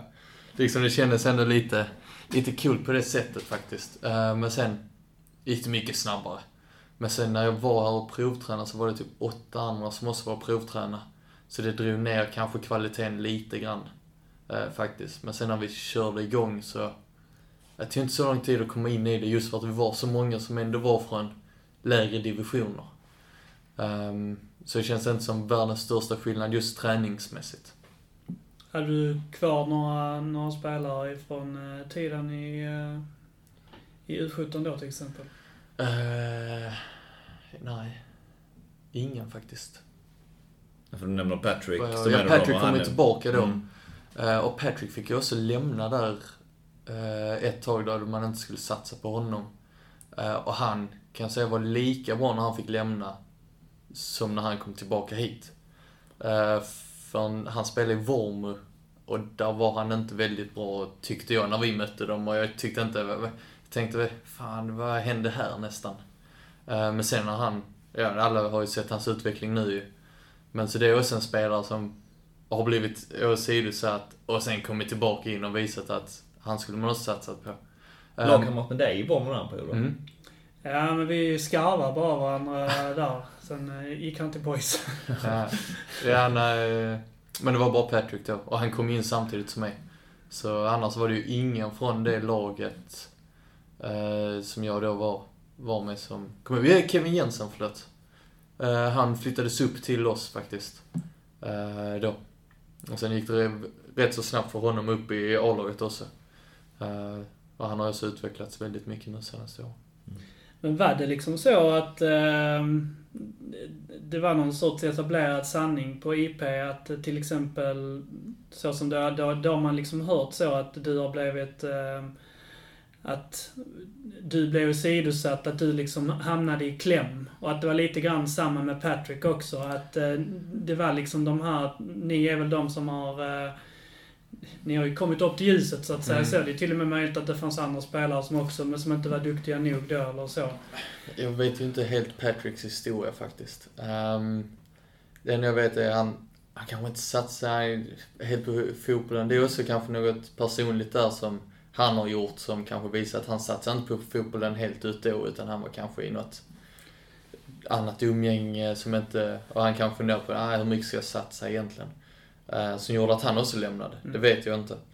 Uh, men de spelarna som var U19 då kanske var tillräckligt bra ändå. Men det är bara otur att de inte har lyckats. De kanske inte hade lyckades med det lilla extra att ta sig vidare. Eh, Men just då så var det nog många som var på min sida. Tänker vad... Hur, hur agerar din pappa i allt det här? För att nu är han ju ändå en och, och så. eh, Ryktet om din pappa som tränare till Mm. exempel är att han är, han är liksom lite hetlevrad och eh, gillar att skrika, säger sin åsikt och så. Ja, såklart. Ehm, och han har ju såklart, liksom, han har ju fått, han har en bra tränarbakgrund och så. Kan, kan uppenbarligen sin fotboll. Han måste ju ha sett det här också, precis som, eh, precis som det som var anledningen Mm. till att han sen tog dig till, till division 3 och liksom började spela dig direkt eller något, något liknande så. Hur var han liksom i, i, i allt det här så, när man ser sin son bli eh, behandlad på det viset? Han var väl inte jätteglad. Alltså det ska väl sägas. Men samtidigt har han alltid försökt hålla sig lite utanför. Eh, Det var samma när vi, kommer jag, jag blir inbytt i en match. När vi spelar eh, U17-match. Eh, och sen blir jag utbytt efter 10 minuter igen. Eh, då är det för att vi ska klara oss kvar typ i uh, U17-allsvenskan med det 98-laget. Då kommer jag ihåg att han blev sur och snackade om med dem där uppe liksom. Ah, det ser ju inte bra ut oavsett. Och lite så. Men sen har han alltid försökt hålla sig lite undan. Det är klart han, han har sina åsikter där hemma kanske. Men det är inga som är, hur ska man säga det? Det är inga konstiga att han har kommit in här och ringt upp dem inne på eh, akademiansvariga eller något sånt. Utan det var bara, Jag tänker Han- mer att ni, när ni liksom kör hem från ännu en Mhm, match, ja. eh, där ni båda liksom så antingen muttrar eller så är man bara tysta och låter tystnaden tala liksom. Var det, var det så det kunde vara? ju såklart. Uh, om vi tänker när vi har spelat i Eslöv också. Så har jag faktiskt en rolig historia. Då möter vi Hörby eh, borta. Jag missar straff så det blir 1-1. Eh, och från Hörby till Kävlinge så är det nog 40 minuter helt tyst hela, hela vägen hem är det helt tyst. Eh, jag öppnar bilen, kommer hem då, ja, går in, helt tyst.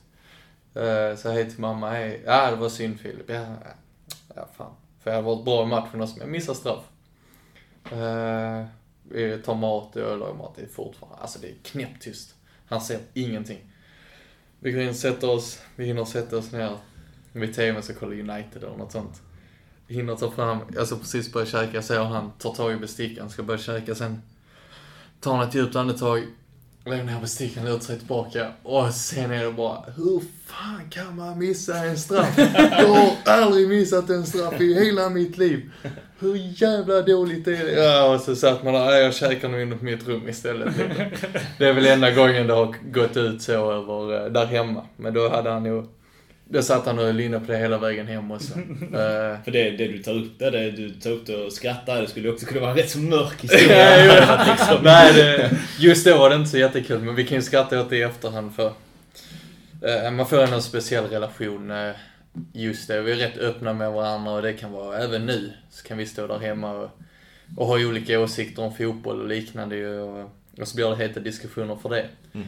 Eh, men just den, den situationen är väl enda gången när jag, när han var tränare för mig som man tog det hemåt. Annars så var det, när vi kom hem så var det inga diskussioner om hur det hade varit. Det kan vara, nu får du fan ta tag i det typ. Mm. Ja. Lite så, men annars har det aldrig varit något. Men det är enda gången han har riktigt skrikit ut, eh, skrikit ut hur sur han var på en. Ja. Ehm, men jag tänker för du, du, du, vad vi var innan någonstans, tänker så var det ju att du, du, du kommer tillbaka till Boys. Mm. Ehm, provtränar. Får reda på att eh, vi, vi plockar gärna in dig liksom, du, som du är inne på. Så känns det som det känns, det känns rätt och även om du hade lämnat med bitter eftersmak så kändes det ändå rätt att komma tillbaka och någonting som du kände att du, du ville liksom. Um, Ska vi, ska vi ta oss igenom lite där ändå, liksom första tiden och jag tänker nu har ni haft två år, vi har pratat om med Willy senast också. Det är två år som är väldigt definierade för det här laget. Det är nästan samma, samma spelare liksom som, som är med i den här resan och ni är en stumme på, på ett gäng spelare som liksom varit tongivande från ganska, ganska tidigt men och sen liksom lätt in i, in i hamn så att säga. Men ehm, Visst var det så? Det, det var inte helt klockrent från början för din del va? att du, du var... ta 2019, att du är superordinarie direkt Nej, liksom. verkligen inte. Det... Men jag märkte väl rätt så tidigt att jag, jag har ändå hyfsat, kan jag utveckla några delar i spelet så ligger jag ändå rätt nära en ordinarie plats. Och jag hade aldrig gått in hit för att vara en bänkspelare. Det var ju verkligen inte min tanke, utan min tanke var ju verkligen, nu ska jag gå in och så ska jag spela. Det, har, du, har du inte riktigt det målet när du är så ung eller då tycker jag det är något som är fel. Utan jag gick ju in och tänkte, jag ska spela, till premiärmatchen ska jag stå i startelvan.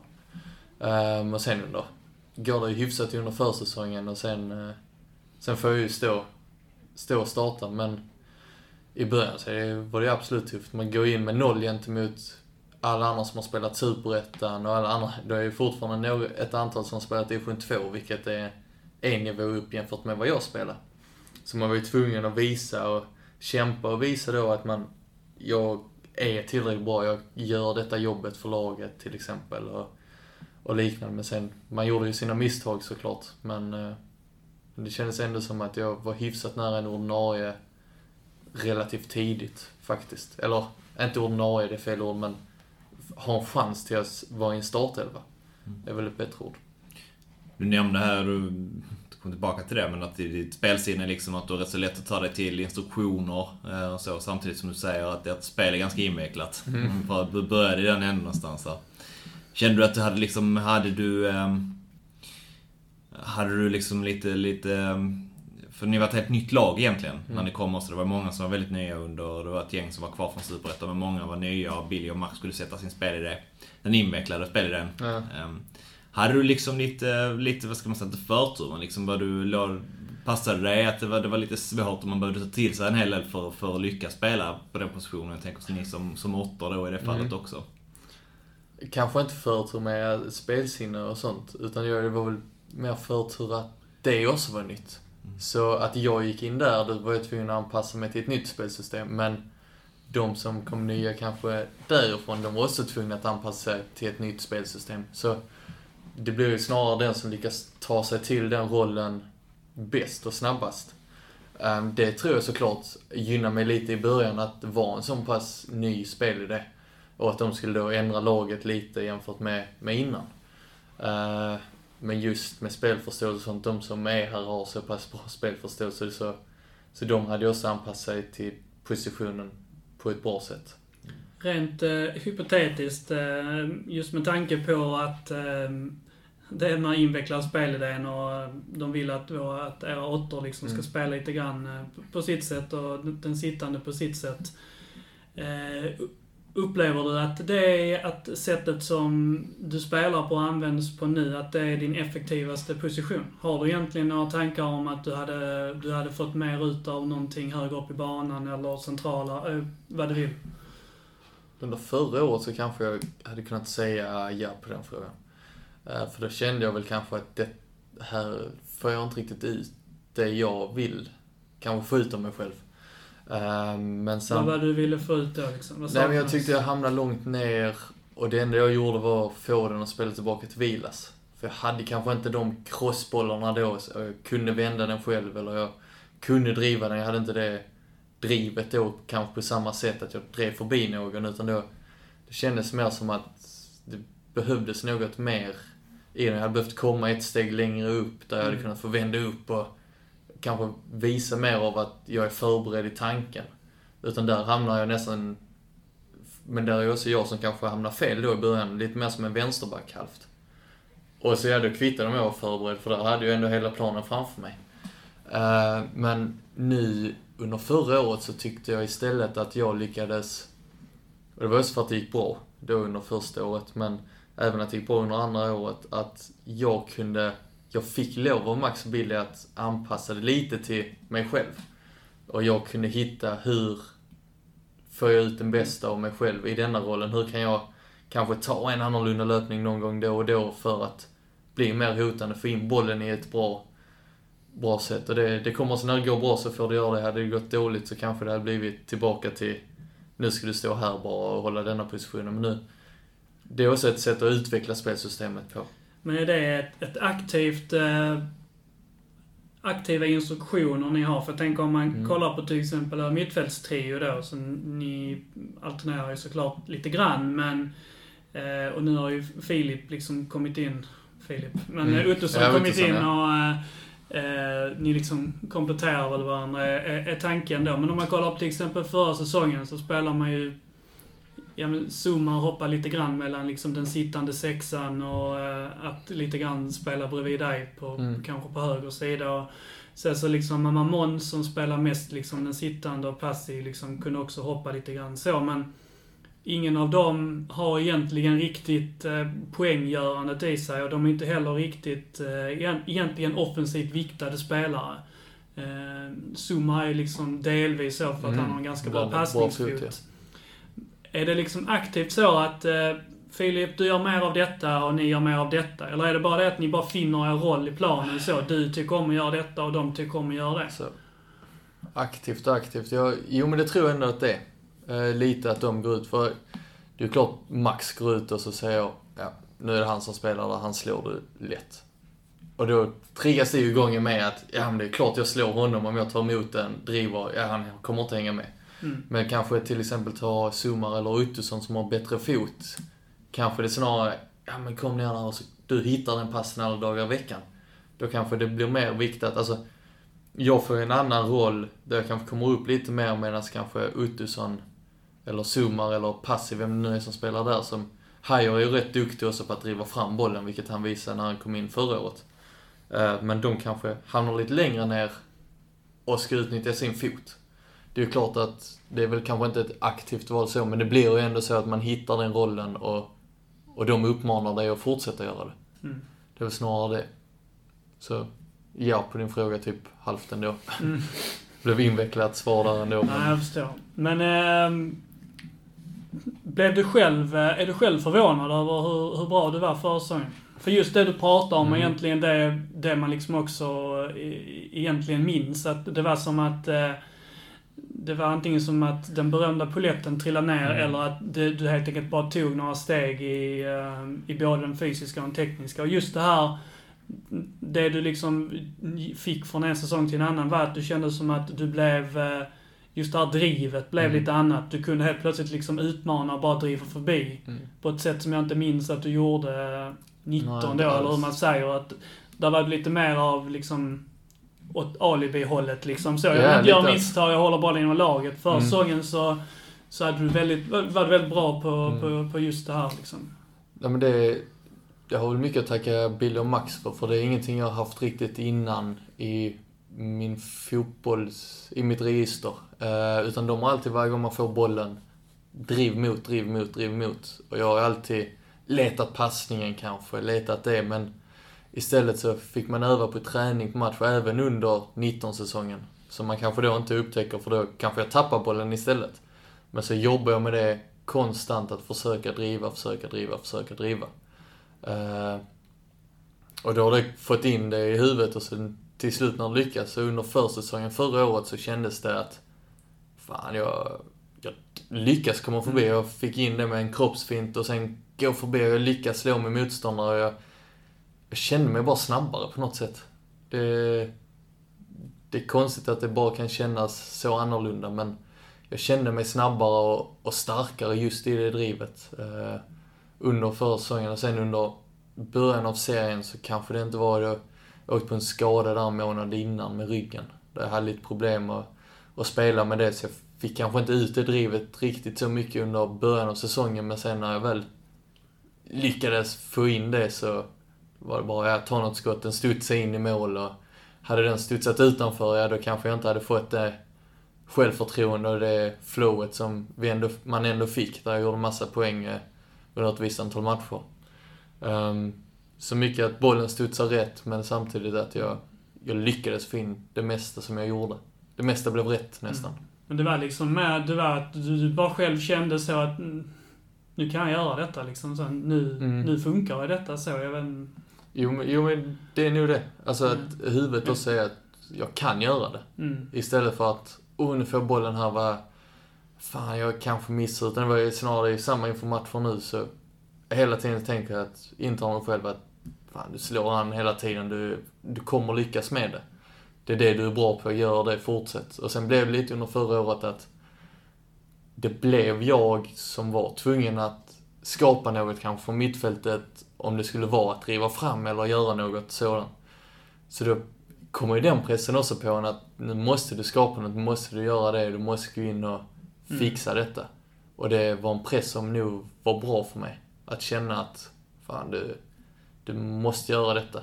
Helt plötsligt blir man en väldigt betydelsefull spelare istället för att bara vara där och hjälpa till och bidra med något poäng då och då. Så blev det mycket mer betydelsefullt alltsammans.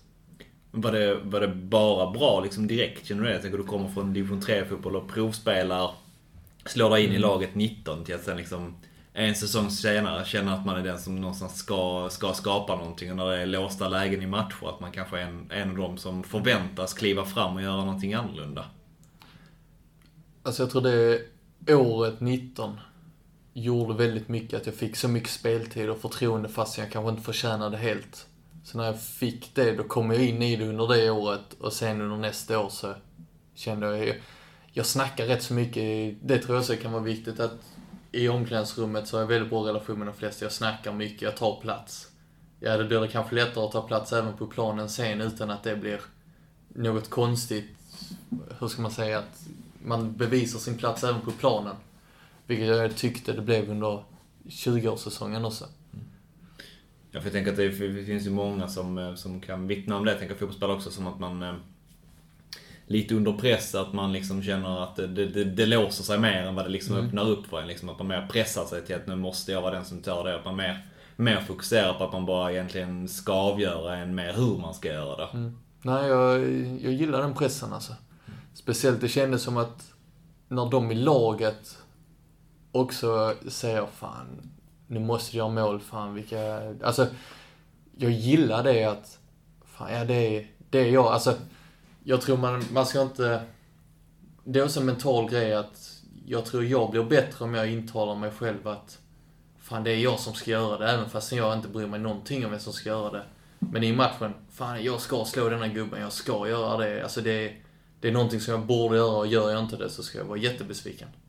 Um, så det är någon, den pressen funkar väldigt bra för mig. Sen är det vissa som vill spela utan press och försöker ta bort den, men den funkar väldigt bra för mig nu under, speciellt det året som har, har gått, kanske 19, helt ny på denna nivån, då, då hade jag inte kunnat ha den pressen för då, blev jag jättenervös av det istället. Utan nu kunde jag omvandla det till något bra istället. Är det, är den eh, liksom eh, insikten någonting du har eh, kommit, kommit fram till själv? Eller är det, är det någonting du har jobbat med, liksom, med folk med? För Nej, det ingenting. låter ju liksom, det, det du pratar är idrottspsykologi. Ja, men alltså det mentala har aldrig...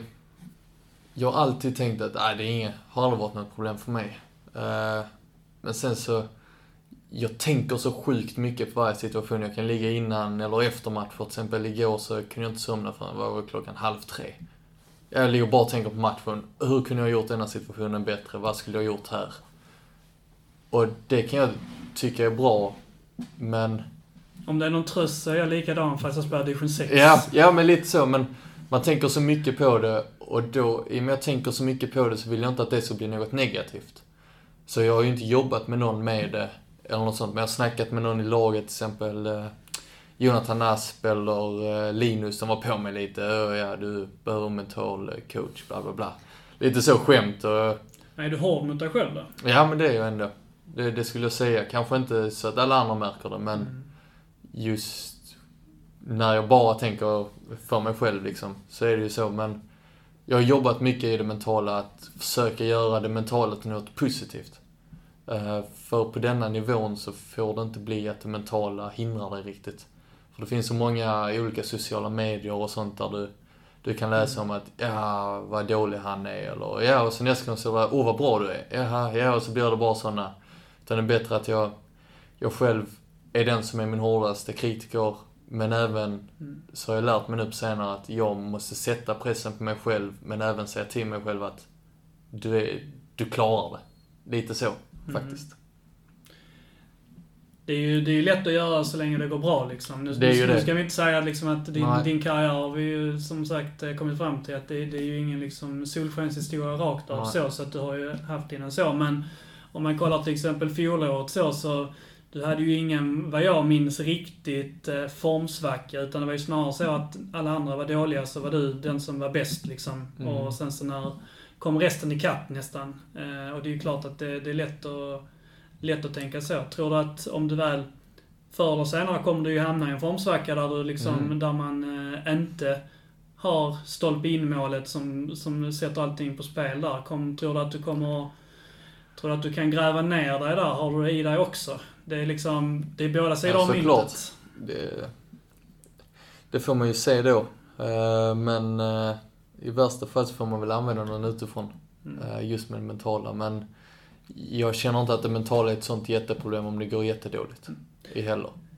Eh, en fråga jag tänkte, som jag tycker är jätteintressant när, när det handlar om dig, det är att eh, nu har du liksom haft den här karriären, hur man ska säga så, den här vägen upp till, till där du har varit och du har liksom varit i två akademier och på något sätt fått, eh, fått lämna båda liksom för Mm. det, det var så det blev. Och, och så har du ändå studsat tillbaka och på något sätt ta, då tagit dig tillbaka och nu är du liksom i, i superettan och eh, eh, kan ju liksom light kalla dig för, för fotbollsproffs eh, Mm. i princip. Och jag förstår ju liksom att det är, det är ju mm, liksom Ja, målet. Det är klart såklart. att du, du vill dit där och du vill ju inte att det ska ta slut liksom.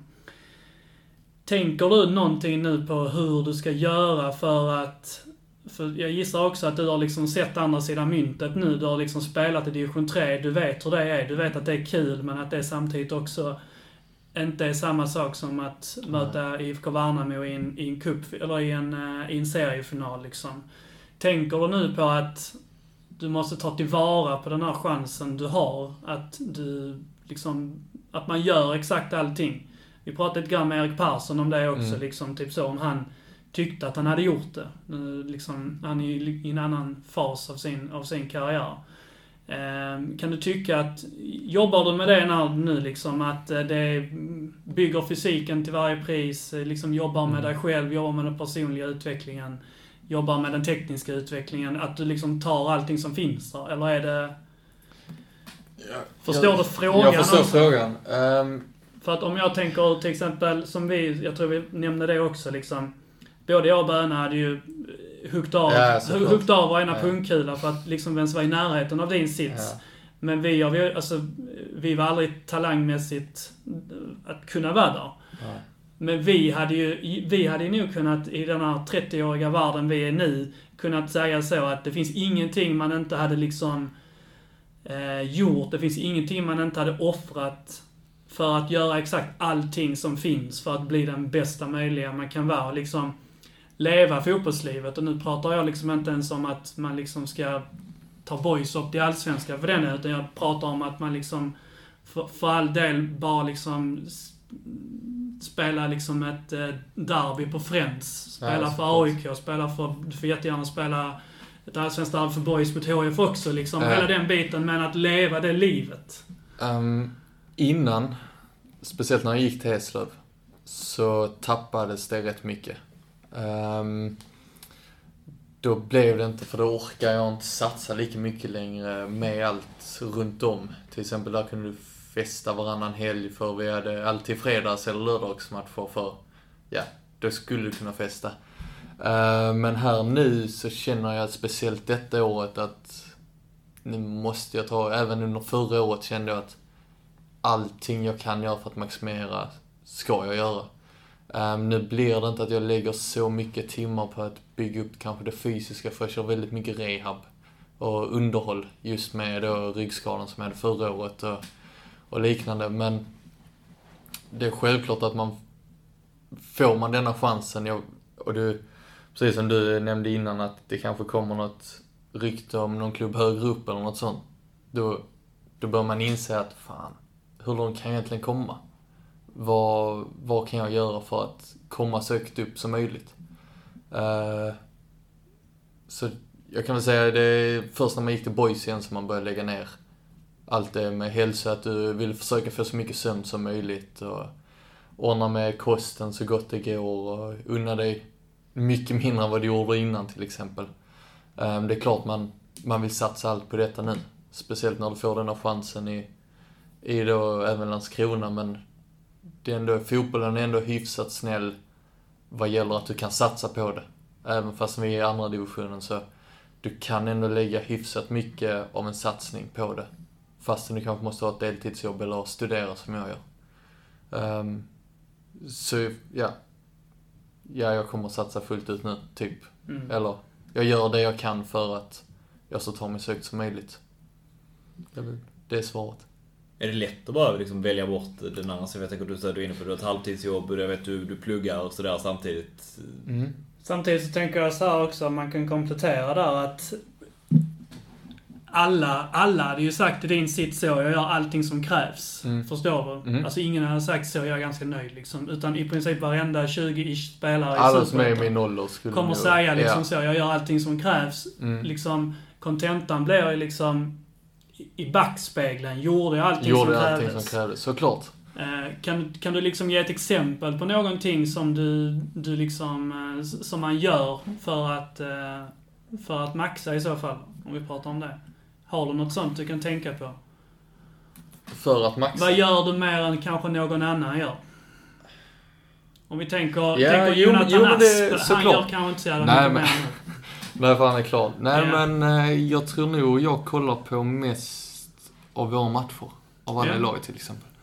Um, kanske Max och Billy ska jag inte ta ifrån. men eh, speciellt då även på mig själv. Jag kan nog, jag kan sitta nu och kolla på matcher från 2019 och se vad har jag utvecklat, vad, vad var jag bra på då? Eller kollar jag om fyra gånger har jag kanske kollat om en viss match från 2020. Eh, så jag sitter hela tiden och utvecklar, för jag tycker det bästa sättet att utvecklas, det är när jag ser hur jag är på planen. Här kanske finns en yta som jag kan ta fastän jag inte tar den. Ehm, så det är väl just den saken, men sen gör alla, alla äter ordentligt när de kommer hem och kanske du inte är hungrig, nej då tar du en proteinshake istället för att få upp det. Alltså, man maximerar ju allt där och det tror jag många gör oavsett vilken ålder de är i här nu. Men just som kanske är lite annorlunda jämfört med alla andra är att jag kollar så mycket på våra, våra matcher. Kanske inte fotboll generellt så att jag kollar konstant, men just egna matcher och, och att kolla på vad jag själv kan utveckla där. Det gör jag jättemycket. Så det är väl nog, nog den saken om du vill ha någon speciell sak som jag, jag just gjorde. Mm. Så att egentligen, eh, som du varit inne på, att, att maximera det man någonstans är bra på också då. Mm. Att liksom eh, hitta, hitta det, jag tänker du är inne på det återigen. Liksom, vad, det är det, det som kanske är din egentligen någonstans med att, eh, att, att, att se de bitarna och veta vad man är bra på faktiskt. Att många i din ålder kanske fortfarande kämpar med det egentligen och veta vem man är som spelare. Mm. Liksom. Ja men jag... För två år sedan visste jag inte att jag skulle bli denna spelaren. Med denna speltypen. Um, och låt säga 2019 visste jag inte om att jag skulle lyckas göra åtta mål i, i serien och nio med det med ett dalkurd. Där många av målen verkligen var avgörande. Alltså det, det visste jag ju inte då utan det är ju någonting som har kommit nu. Och det är ju skönt för mig att det kom. Uh, så att jag, jag känner att det, det har jag i mig och att det är det jag ska göra. Så får man ju säga, jag är noll mål nu i Superettan så, så får vi se men uh, det ska i alla fall ha försökt göra några mål, så att säga. Mm. Eh, när vi ändå pratar lite grann om, eh, om, om Superettan, så eh, om man kollar på de här två säsongerna som har varit så har det ju liksom varit lite grann av, eh, och det pratade vi också med Billy om, att det har varit liksom lite grann av en, två olika karaktärer på de laget. Mm. Att det första 2019-laget var liksom, det kunde pendla ganska mycket i, i insatserna och det var ju den berömda formsvackan där i augusti till exempel. Ja. Eh, där eh, topparna var eh, högre än det som kom sen 2020 men dalarna var mycket djupare och mycket mm. längre också. Och sen i fjol var någon, någonstans mitt emellan där topparna inte var lika höga, lika höga. inte lika många heller men där lägstanivån och, vad ska man säga, spelet kanske blev lite, lite mognare och inte mm. lika, lika naivt. Vad ser du, om, om du ska kolla i eh, framåt här nu, vad tror du att, vad tror du kommer bli för något av eh, Boys eh, i år? Om du har de här två att kolla på. Um, nu fick vi tillbaka Kaddu i mål. Uh, som är jag tror det blev mycket mer att vi inte var så naiva kanske med Fille Mårtensson också i målet. Att han la den lite längre, lite oftare. Vi kanske inte löste lika många situationer tack vare det. Uh, men det vi lyckades med förra året tyckte jag att vi, vad ska man säga, balanserade när vi skulle spela oss ur situationen och när det var kört. Uh, det var kan man ju ta bara som igår, när vi försöker spela oss ur en situation och det blir hörna till dem och det blir mål. Där kan vi skulle skickat den långt. Men uh, det är ju sånt när det väl blir serie också och det börjar gälla riktiga poäng nu. Såklart Svenska Cupen är jätteviktig, men här försöker vi ändå spela så gott det går. Ehm, men jag tror nog det är lite mer att vi inte är så naiva. Eh, utan att vi mer gör det säkra före det osäkra och vi försöker ändå hålla en, vad ska man säga, riskminimera lite extra än vad vi har gjort innan. Skulle jag nog tro. Sen så tycker jag inte att vi ska tappa vårt spel helt heller som vi har byggt upp nu under dessa två åren. Men kanske försöka flytta upp det spelet så vi kommer lite högre upp i banan istället för att vi konstant kanske hamnar i straffområdet och spelar runt där och försöker lösa situationerna där. Utan då kanske vi får ta, ta och skicka den ibland och, och bara acceptera det. För vi, det är inte så att vi är ett dåligt lag när vi ligger i ett lågt försvar heller. Med mm. våra omställningar. För vi har väldigt snabba spelare där uppe som är väldigt, väldigt bra just på omställningar. Um, som vi ligger lågt någon match ska vi inte vara så. Det gör inte så mycket för vi är bra på båda sakerna. Um, hur pass trygga är ni i till exempel ett, ett lägre försvarsspel där ni blir nedtryckta? För ni har ju i princip inte blivit nej. det nu på två år. Nej, det är sant. Um, jag känner faktiskt att vi är väldigt trygga i det. Just för att vi har så bra försvarsspelare i ett lågt försvar. Eh, Tovilas styrka är kanske inte... Nu har han anpassat sig jättebra under detta året. Speciellt 2020 där han växer ut och blir full kapten kan man säga i slutet och verkligen visar att han håller på den nivån. Men han kanske inte innan har varit den som, han är ju, vad ska man säga, fysiskt sett kanske inte den som ska ha hög press och springa efter man-man, utan han kanske passar bättre i ett lågt stående försvar. Vi har Måns som är världens bästa dammsugare typ här i Superettan skulle jag nästan säga. Um, så i det lågt stående försvar tror jag inte det blir så stora problem. Mm. Sen vet jag inte hur ofta vi kommer hamna i det låga, då vi alltid nästan försöker sätta den höga pressen. Um, Så det är svårt att säga det på förhand när vi inte, vi har inte riktigt mött detta motståndet.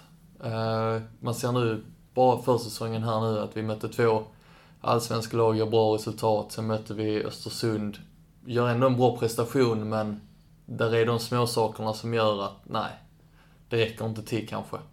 Um, så det ska bli intressant att se då i Superettan. Så det boys som vi kommer få se kommer vi kanske synas efter de tio första omgångarna. Um, för det tror jag vi har lyckats anpassa oss tillräckligt bra till hur vi ska göra det. Faktiskt.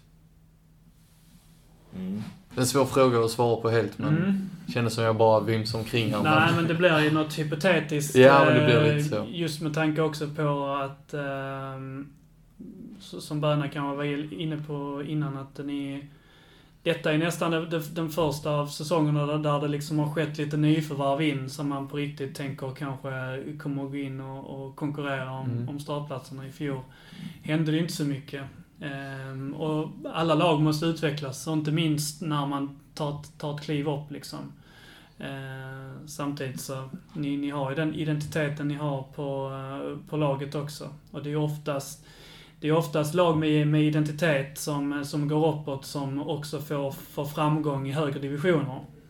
Så att säga lag som uh, lag som kanske inte, inte har någon direkt identitet utan liksom mer bara har fastnat i, i något skapa framgångstankesätt. De, eh, de har oftast också kanske lite svårare att hävda sig, sig högre upp. Men fallhöjden blir kanske också svårare för det här lite vaga begreppet med identitet som Ja, om man kan såklart. kalla boys det. Men jag tycker man kan jämföra det med Ljungskile när de var serien förra året. Där jag tyckte att de var sjukt starka.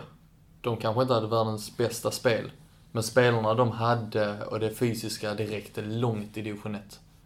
Alltså deras inlägg och som han, uh, Uddo eller vad han hette på anfallet med Westermark, det, det rann ju in mål där. Mm. Um, och sen hade de Murbeck då som är här nu, stabilt försvar, de släppte inte till något. Men det var som Murbeck sa nu när de kom upp i Superettan, de hade inte så mycket ett eget spel. Utan nej, det var att bygga vidare på det. Ja, nu hade de inte bollen alls så pass mycket. De kunde inte Mm. vinna för nu fanns det andra lag som var bättre på det som de egentligen var bra på. Uh, ska man nu se på oss så tycker jag ändå vi går in där vi har utvecklat ett spel under två år och går in med en tro på det spelet. Ehm, så vi går liksom inte in och kommer med en tveklös idé direkt där nu skickar vi långt och så ska vi ha inlägg där. Eh, utan det finns ändå en grundtanke som har kommit under två år. Ehm, förhoppningsvis så kommer det innebära att det går bra, men eh, jag tror det i alla fall. Mm.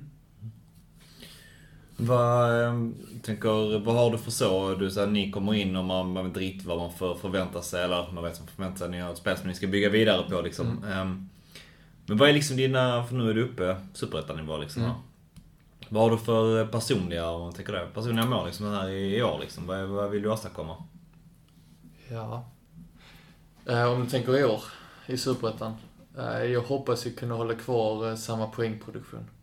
Absolut. Eh, där jag har väl satt en sex mål och sen lika många assist. Eh, gjorde väl lite mer detta år, men ungefär där. Fem, sex tycker jag skulle vara rimligt. Man måste nå upp en 10 poäng som mittfältare i alla fall, tycker jag. Speciellt jag som ska vara den lite mer offensiva kanske med och skapa lite poäng. eh, Så tycker jag ändå att det är rimligt att man ska ställa det kravet. Ehm, Sen är det ju svårt att sätta något mer personligt, men jag hoppas jag utvecklas såklart. Mm. Så annars har jag inte något speciellt mål denna säsongen så, utan det är väl mer bara statistikmål, så Okej. att säga. Mm. Ehm, ja, ska, man ska lyckas ta boys så högt som möjligt. Mm. Eh, Att vi tar en så hög tabellplacering som möjligt. För jag tänker vi har varit inne på det, vi har touchat vid det vid några tillfällen att det, det, det snackas om klubbar högre upp och det, det börjar pratas en hel del om de gör säsong som du gör i fjol och man tar sig upp liksom. Ehm. Finns det med i tankarna? Det är väl såklart det finns med i tankarna, men just... Jag vet jag kommer behöva göra en väldigt bra superettan-säsong för att ens lämna till nästa år. Um, om man tänker sig då att jag går vid årsskiftet i och med jag har kontrakt i två år till. Um, ska vi bara sätta rent hypotet... Hade vi varit kvar i division 1 så hade jag nog försökt kolla kanske och se om, om det hade kunnat finnas något alternativ. För då hade det känts mer som jag hade behövt det personligt att ta det steget upp. Uh, nu är jag jätteglad över att det, det blev med boys. Uh, och det sa jag redan när jag då skrev på det nya kontraktet under eh, 2020 till Billy och Max och även min agent då som kan vara lite tveksam till det så sa jag att jag vill vara med på boys resa. Och är vi inte, går vi inte upp i Superettan och jag har inte gjort tillräckligt bra, då förtjänar jag inte att lämna. Eh, men förhoppningsvis ska vi upp i Superettan med boys och så får jag spela Superettan, för det vill jag göra med boys. Jag vill, till exempel nu blir det Östur, jag vill spela ett derby också med THF. Eh, förhoppningsvis med publik, för det är någonting man alltid har, har velat göra. Gå ut här inne och så 9000 på läktarna, så det är, det är mäktigt. Det är lite, lite annorlunda. Man kan gå till många klubbar som inte har den publik, eller det intresset som finns här i Landskrona. Eh, vilket får en att känna en, speciellt när man har varit här så länge, man får en tillhörighet som gör att man tänker nog ett steg extra innan man lämnar. Skulle jag nu säga. Och, och även fastän du lämnar, tar bara Erik Persson, Jonathan Levi lägger ut ofta.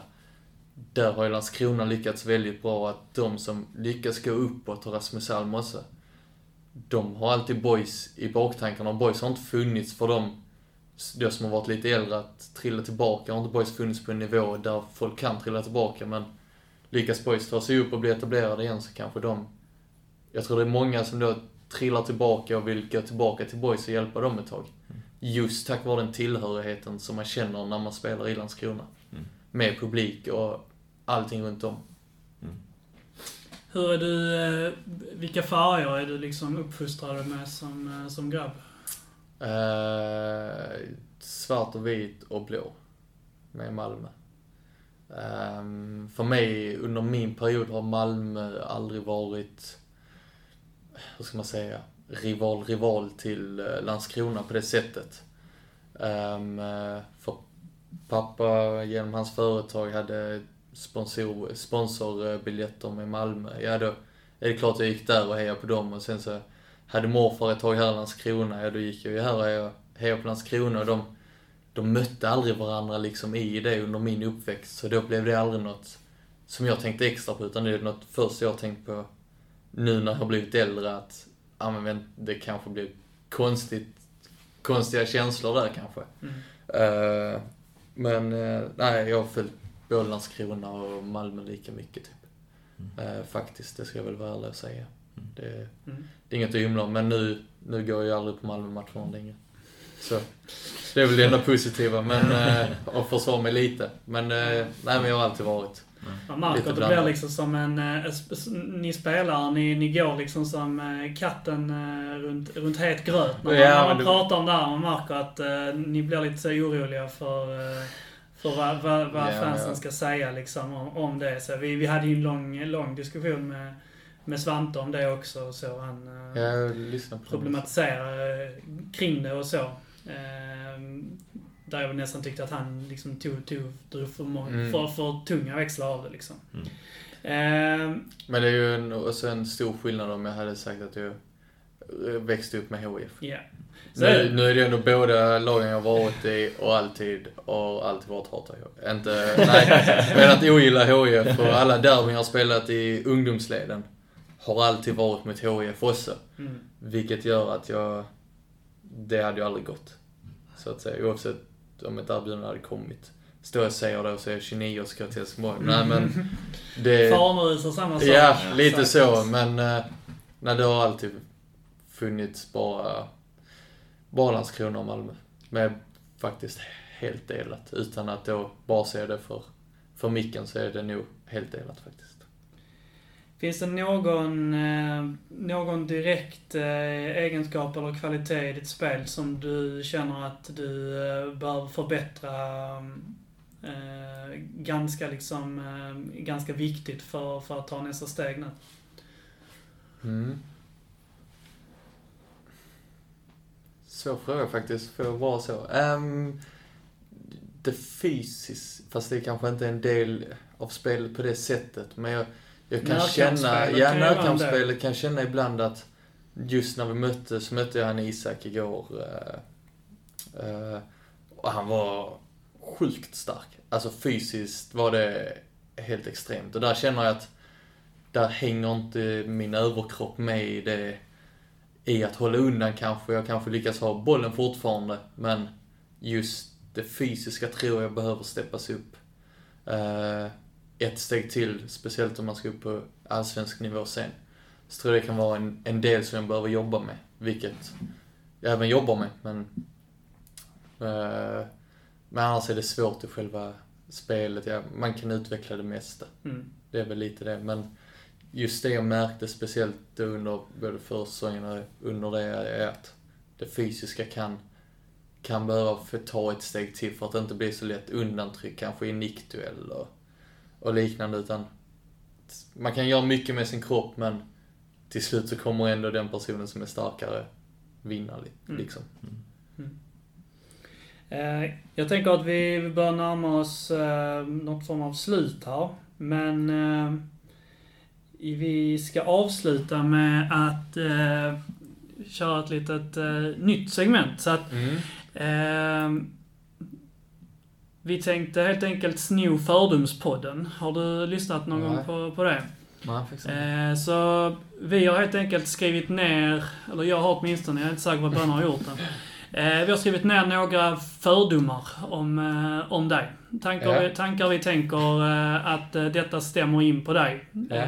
Mer eller mindre seriösa. Men i princip har kunnat vara du älskar färgen blå. Och så Ja. får du eh, svara på om det är sant eller falskt. Men, ja. eh, Är det bara sant eller falskt? vi, du får, jättegärna laborera ut om det sen då också. Men eh, jag börjar. Ja.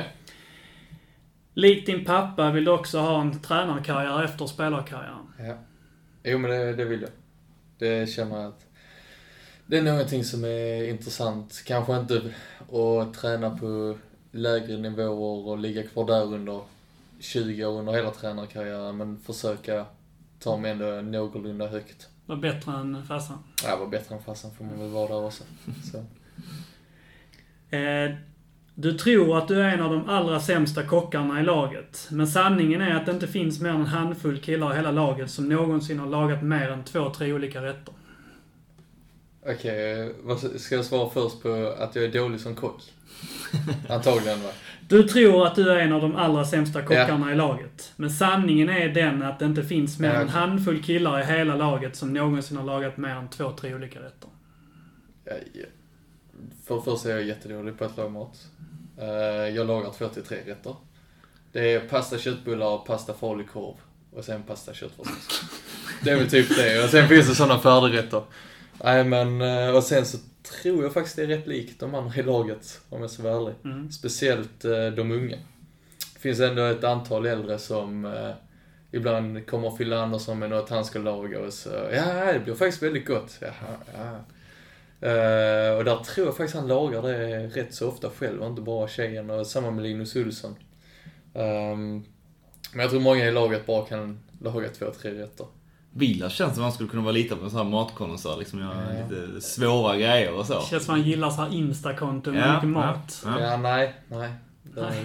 där tror jag inte Det är mycket kyckling om inget Jag annat. tror det är mycket eh, näring, näringsmagasinsmat, typ. Att här har du en hel kyckling och så här har du lite pasta eller potatis. Utan eh, jag tror det är mer det på Vilas. Det ska vara mycket mer. Men eh, då var ju det en så kallad bullseye. Det får man säga. Mm. Eh, du tycker inte om varmt väder så mycket. Men du vill inte prata om det för man anses ganska trött när man gör det. Oj. Det, det stämmer ändå lite. Faktiskt. Jag, jag skulle välja en vintersemester alla dagar för en solsemester. Mm. Eh, sen tycker jag Sveriges väder är rätt så behagligt. Det, det blir inte för varmt. Mm. Eh, men en vecka i, eh, i Spanien, typ min tjej har lägenhet där, hennes familj. Det är jätteskönt kunna bara ligga, men att ligga i solen kan ju vara något av det tråkigaste som finns. Mm. Det kan jag ju inte vara ensam om att tycka. bara ligga där och sola, det, nej, det går inte. Då åker jag hellre på en skidsemester faktiskt. Okej. Och eh, då var det ju två bra. Nu har vi redan svarat äntligen på nästa här så att eh, för att eh, ehm, för att vara, öppen så tar jag denna ändå ändå Mm. för jag, jag tror inte att den blir bra. Men eh, alkohol, nej tack. Uh, ja, nu under säsong så är det jättenära tack faktiskt. Det, det är väl skillnad att ta ett glas rödvin till kanske så smaka på det med en god köttbit uh, när man är hemma med familjen och de, de lagar det. Men uh, det kommer ju väl även från ungdomen att det har aldrig riktigt varit, varit en del av mitt liv riktigt att gå på fest och sånt. Sen tycker jag det är jättekul att sticka till nattklubb men det är ju, sker, det kanske är för att det sker en gång i, om året typ. Uh, men nej, det stämmer in rätt bra. Okej. Vi, eh, jag är inte lika väl förberedd som dig kanske för dessa. Men eh, vi har varit inne och, i en är redan svarat på, så den behöver vi inte ens ta. Men eh, hade en, du, du, du, du också touchat den egentligen. Men den var bara Manchester United. Ja, jo, jätte. Visst är det så? Ja. Jag har stor, eh, faktiskt, det är lite eh, barnsligt kanske, men jag flyttar hemifrån nu. Så de drar väl ner den, eh, den stora, vad ska man säga, klistermärket. Men på hela min vägg där hemma har jag ett stort Manchester United-märke faktiskt. Okej. Och det, det är väl pappa mest glad över att jag har det också. Jag tror nog, jag hade nog inte kunnat växa upp med, med att hålla på ett annat lag. Faktiskt. Jag har fått en rejäl utskällning i så fall. Ja. Nej, det... Ja, jo. Det, det var tidigt United. Mm. Och det, så har det alltid fortsatt. Mm. Det var vad du hade? Nej, jag hade en, en som gällde innebandy. Innebandy. Nej, så att det gällde att du spelade egentligen fotboll samtidigt. Så pendlade mellan innebandy och fotboll. Men har du svarat på innan att det var handboll. Jag spelade innebandy i början. Du spelade innan? Tre ja. stycken. Men sen eh, fick jag bara hålla på med två sporter. Okej. För det fanns inte tid till det andra. Så då togs innebandyn bort. Jag kommer jag, jag bölade alltid på innebandy. Gick runt där, jag fick För inte... fysiskt? Ja, men jag, jag skulle vara målvakt och så jag spelade, innebandy var så det var inte så många så, det var många ålderskullar tillsammans typ och sa när du är skitdålig som målvakt. Ja, då stod jag där och målet på böla typ och sånt. Det, det var en tuff period i livet där vid åttaårsåldern. Sju. Ja, vi kan, eh, vi kan få hålla för att det, det gjorde saker med dig sen i de här när du fått nobben Ja, som fotbollsspelare. Att du har plockat med dig grejer Ja. från, från, från innebandymålet. Ja, det var väl där jag började, började härdas. Säga. Men det är väl ett bra tillfälle att sätta punkt då, så kan vi prata lite mer om innebandykarriären vid, vid nästa tillfälle, Ja. Fille. Så att, eh, jag tänker att vi säger eh, tack till, tack till dig Fille, Tack för att eh, du gjorde detta. Och tack till er som har lyssnat. Och tack eh, till dig Bön också för att eh, du gör detta med mig. Stort tack Jens, det uppskattas. Ja, verkligen. Eh, och eh, vi säger som vanligt att eh, fortsätt lyssna på oss. Eh, Följ oss på eh, sociala medier och fortsätt lyssna på den, den riktiga Boyspodden av supportrar för supportrar. Och så säger vi på återhörande och heja boys! Hej boys. Hej boys. Du kan lita dig tillbaka Du kan drömma lite grann Som om Gud var lika randig Han som sinne din sida Dröm om röken från Olympia Om hela skiten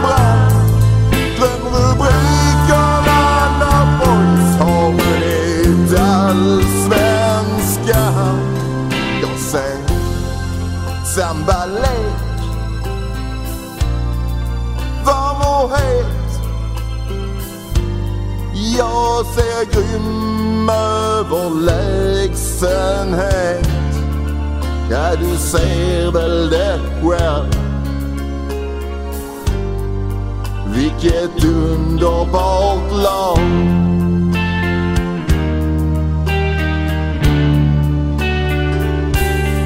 Ja, du ser väl det själv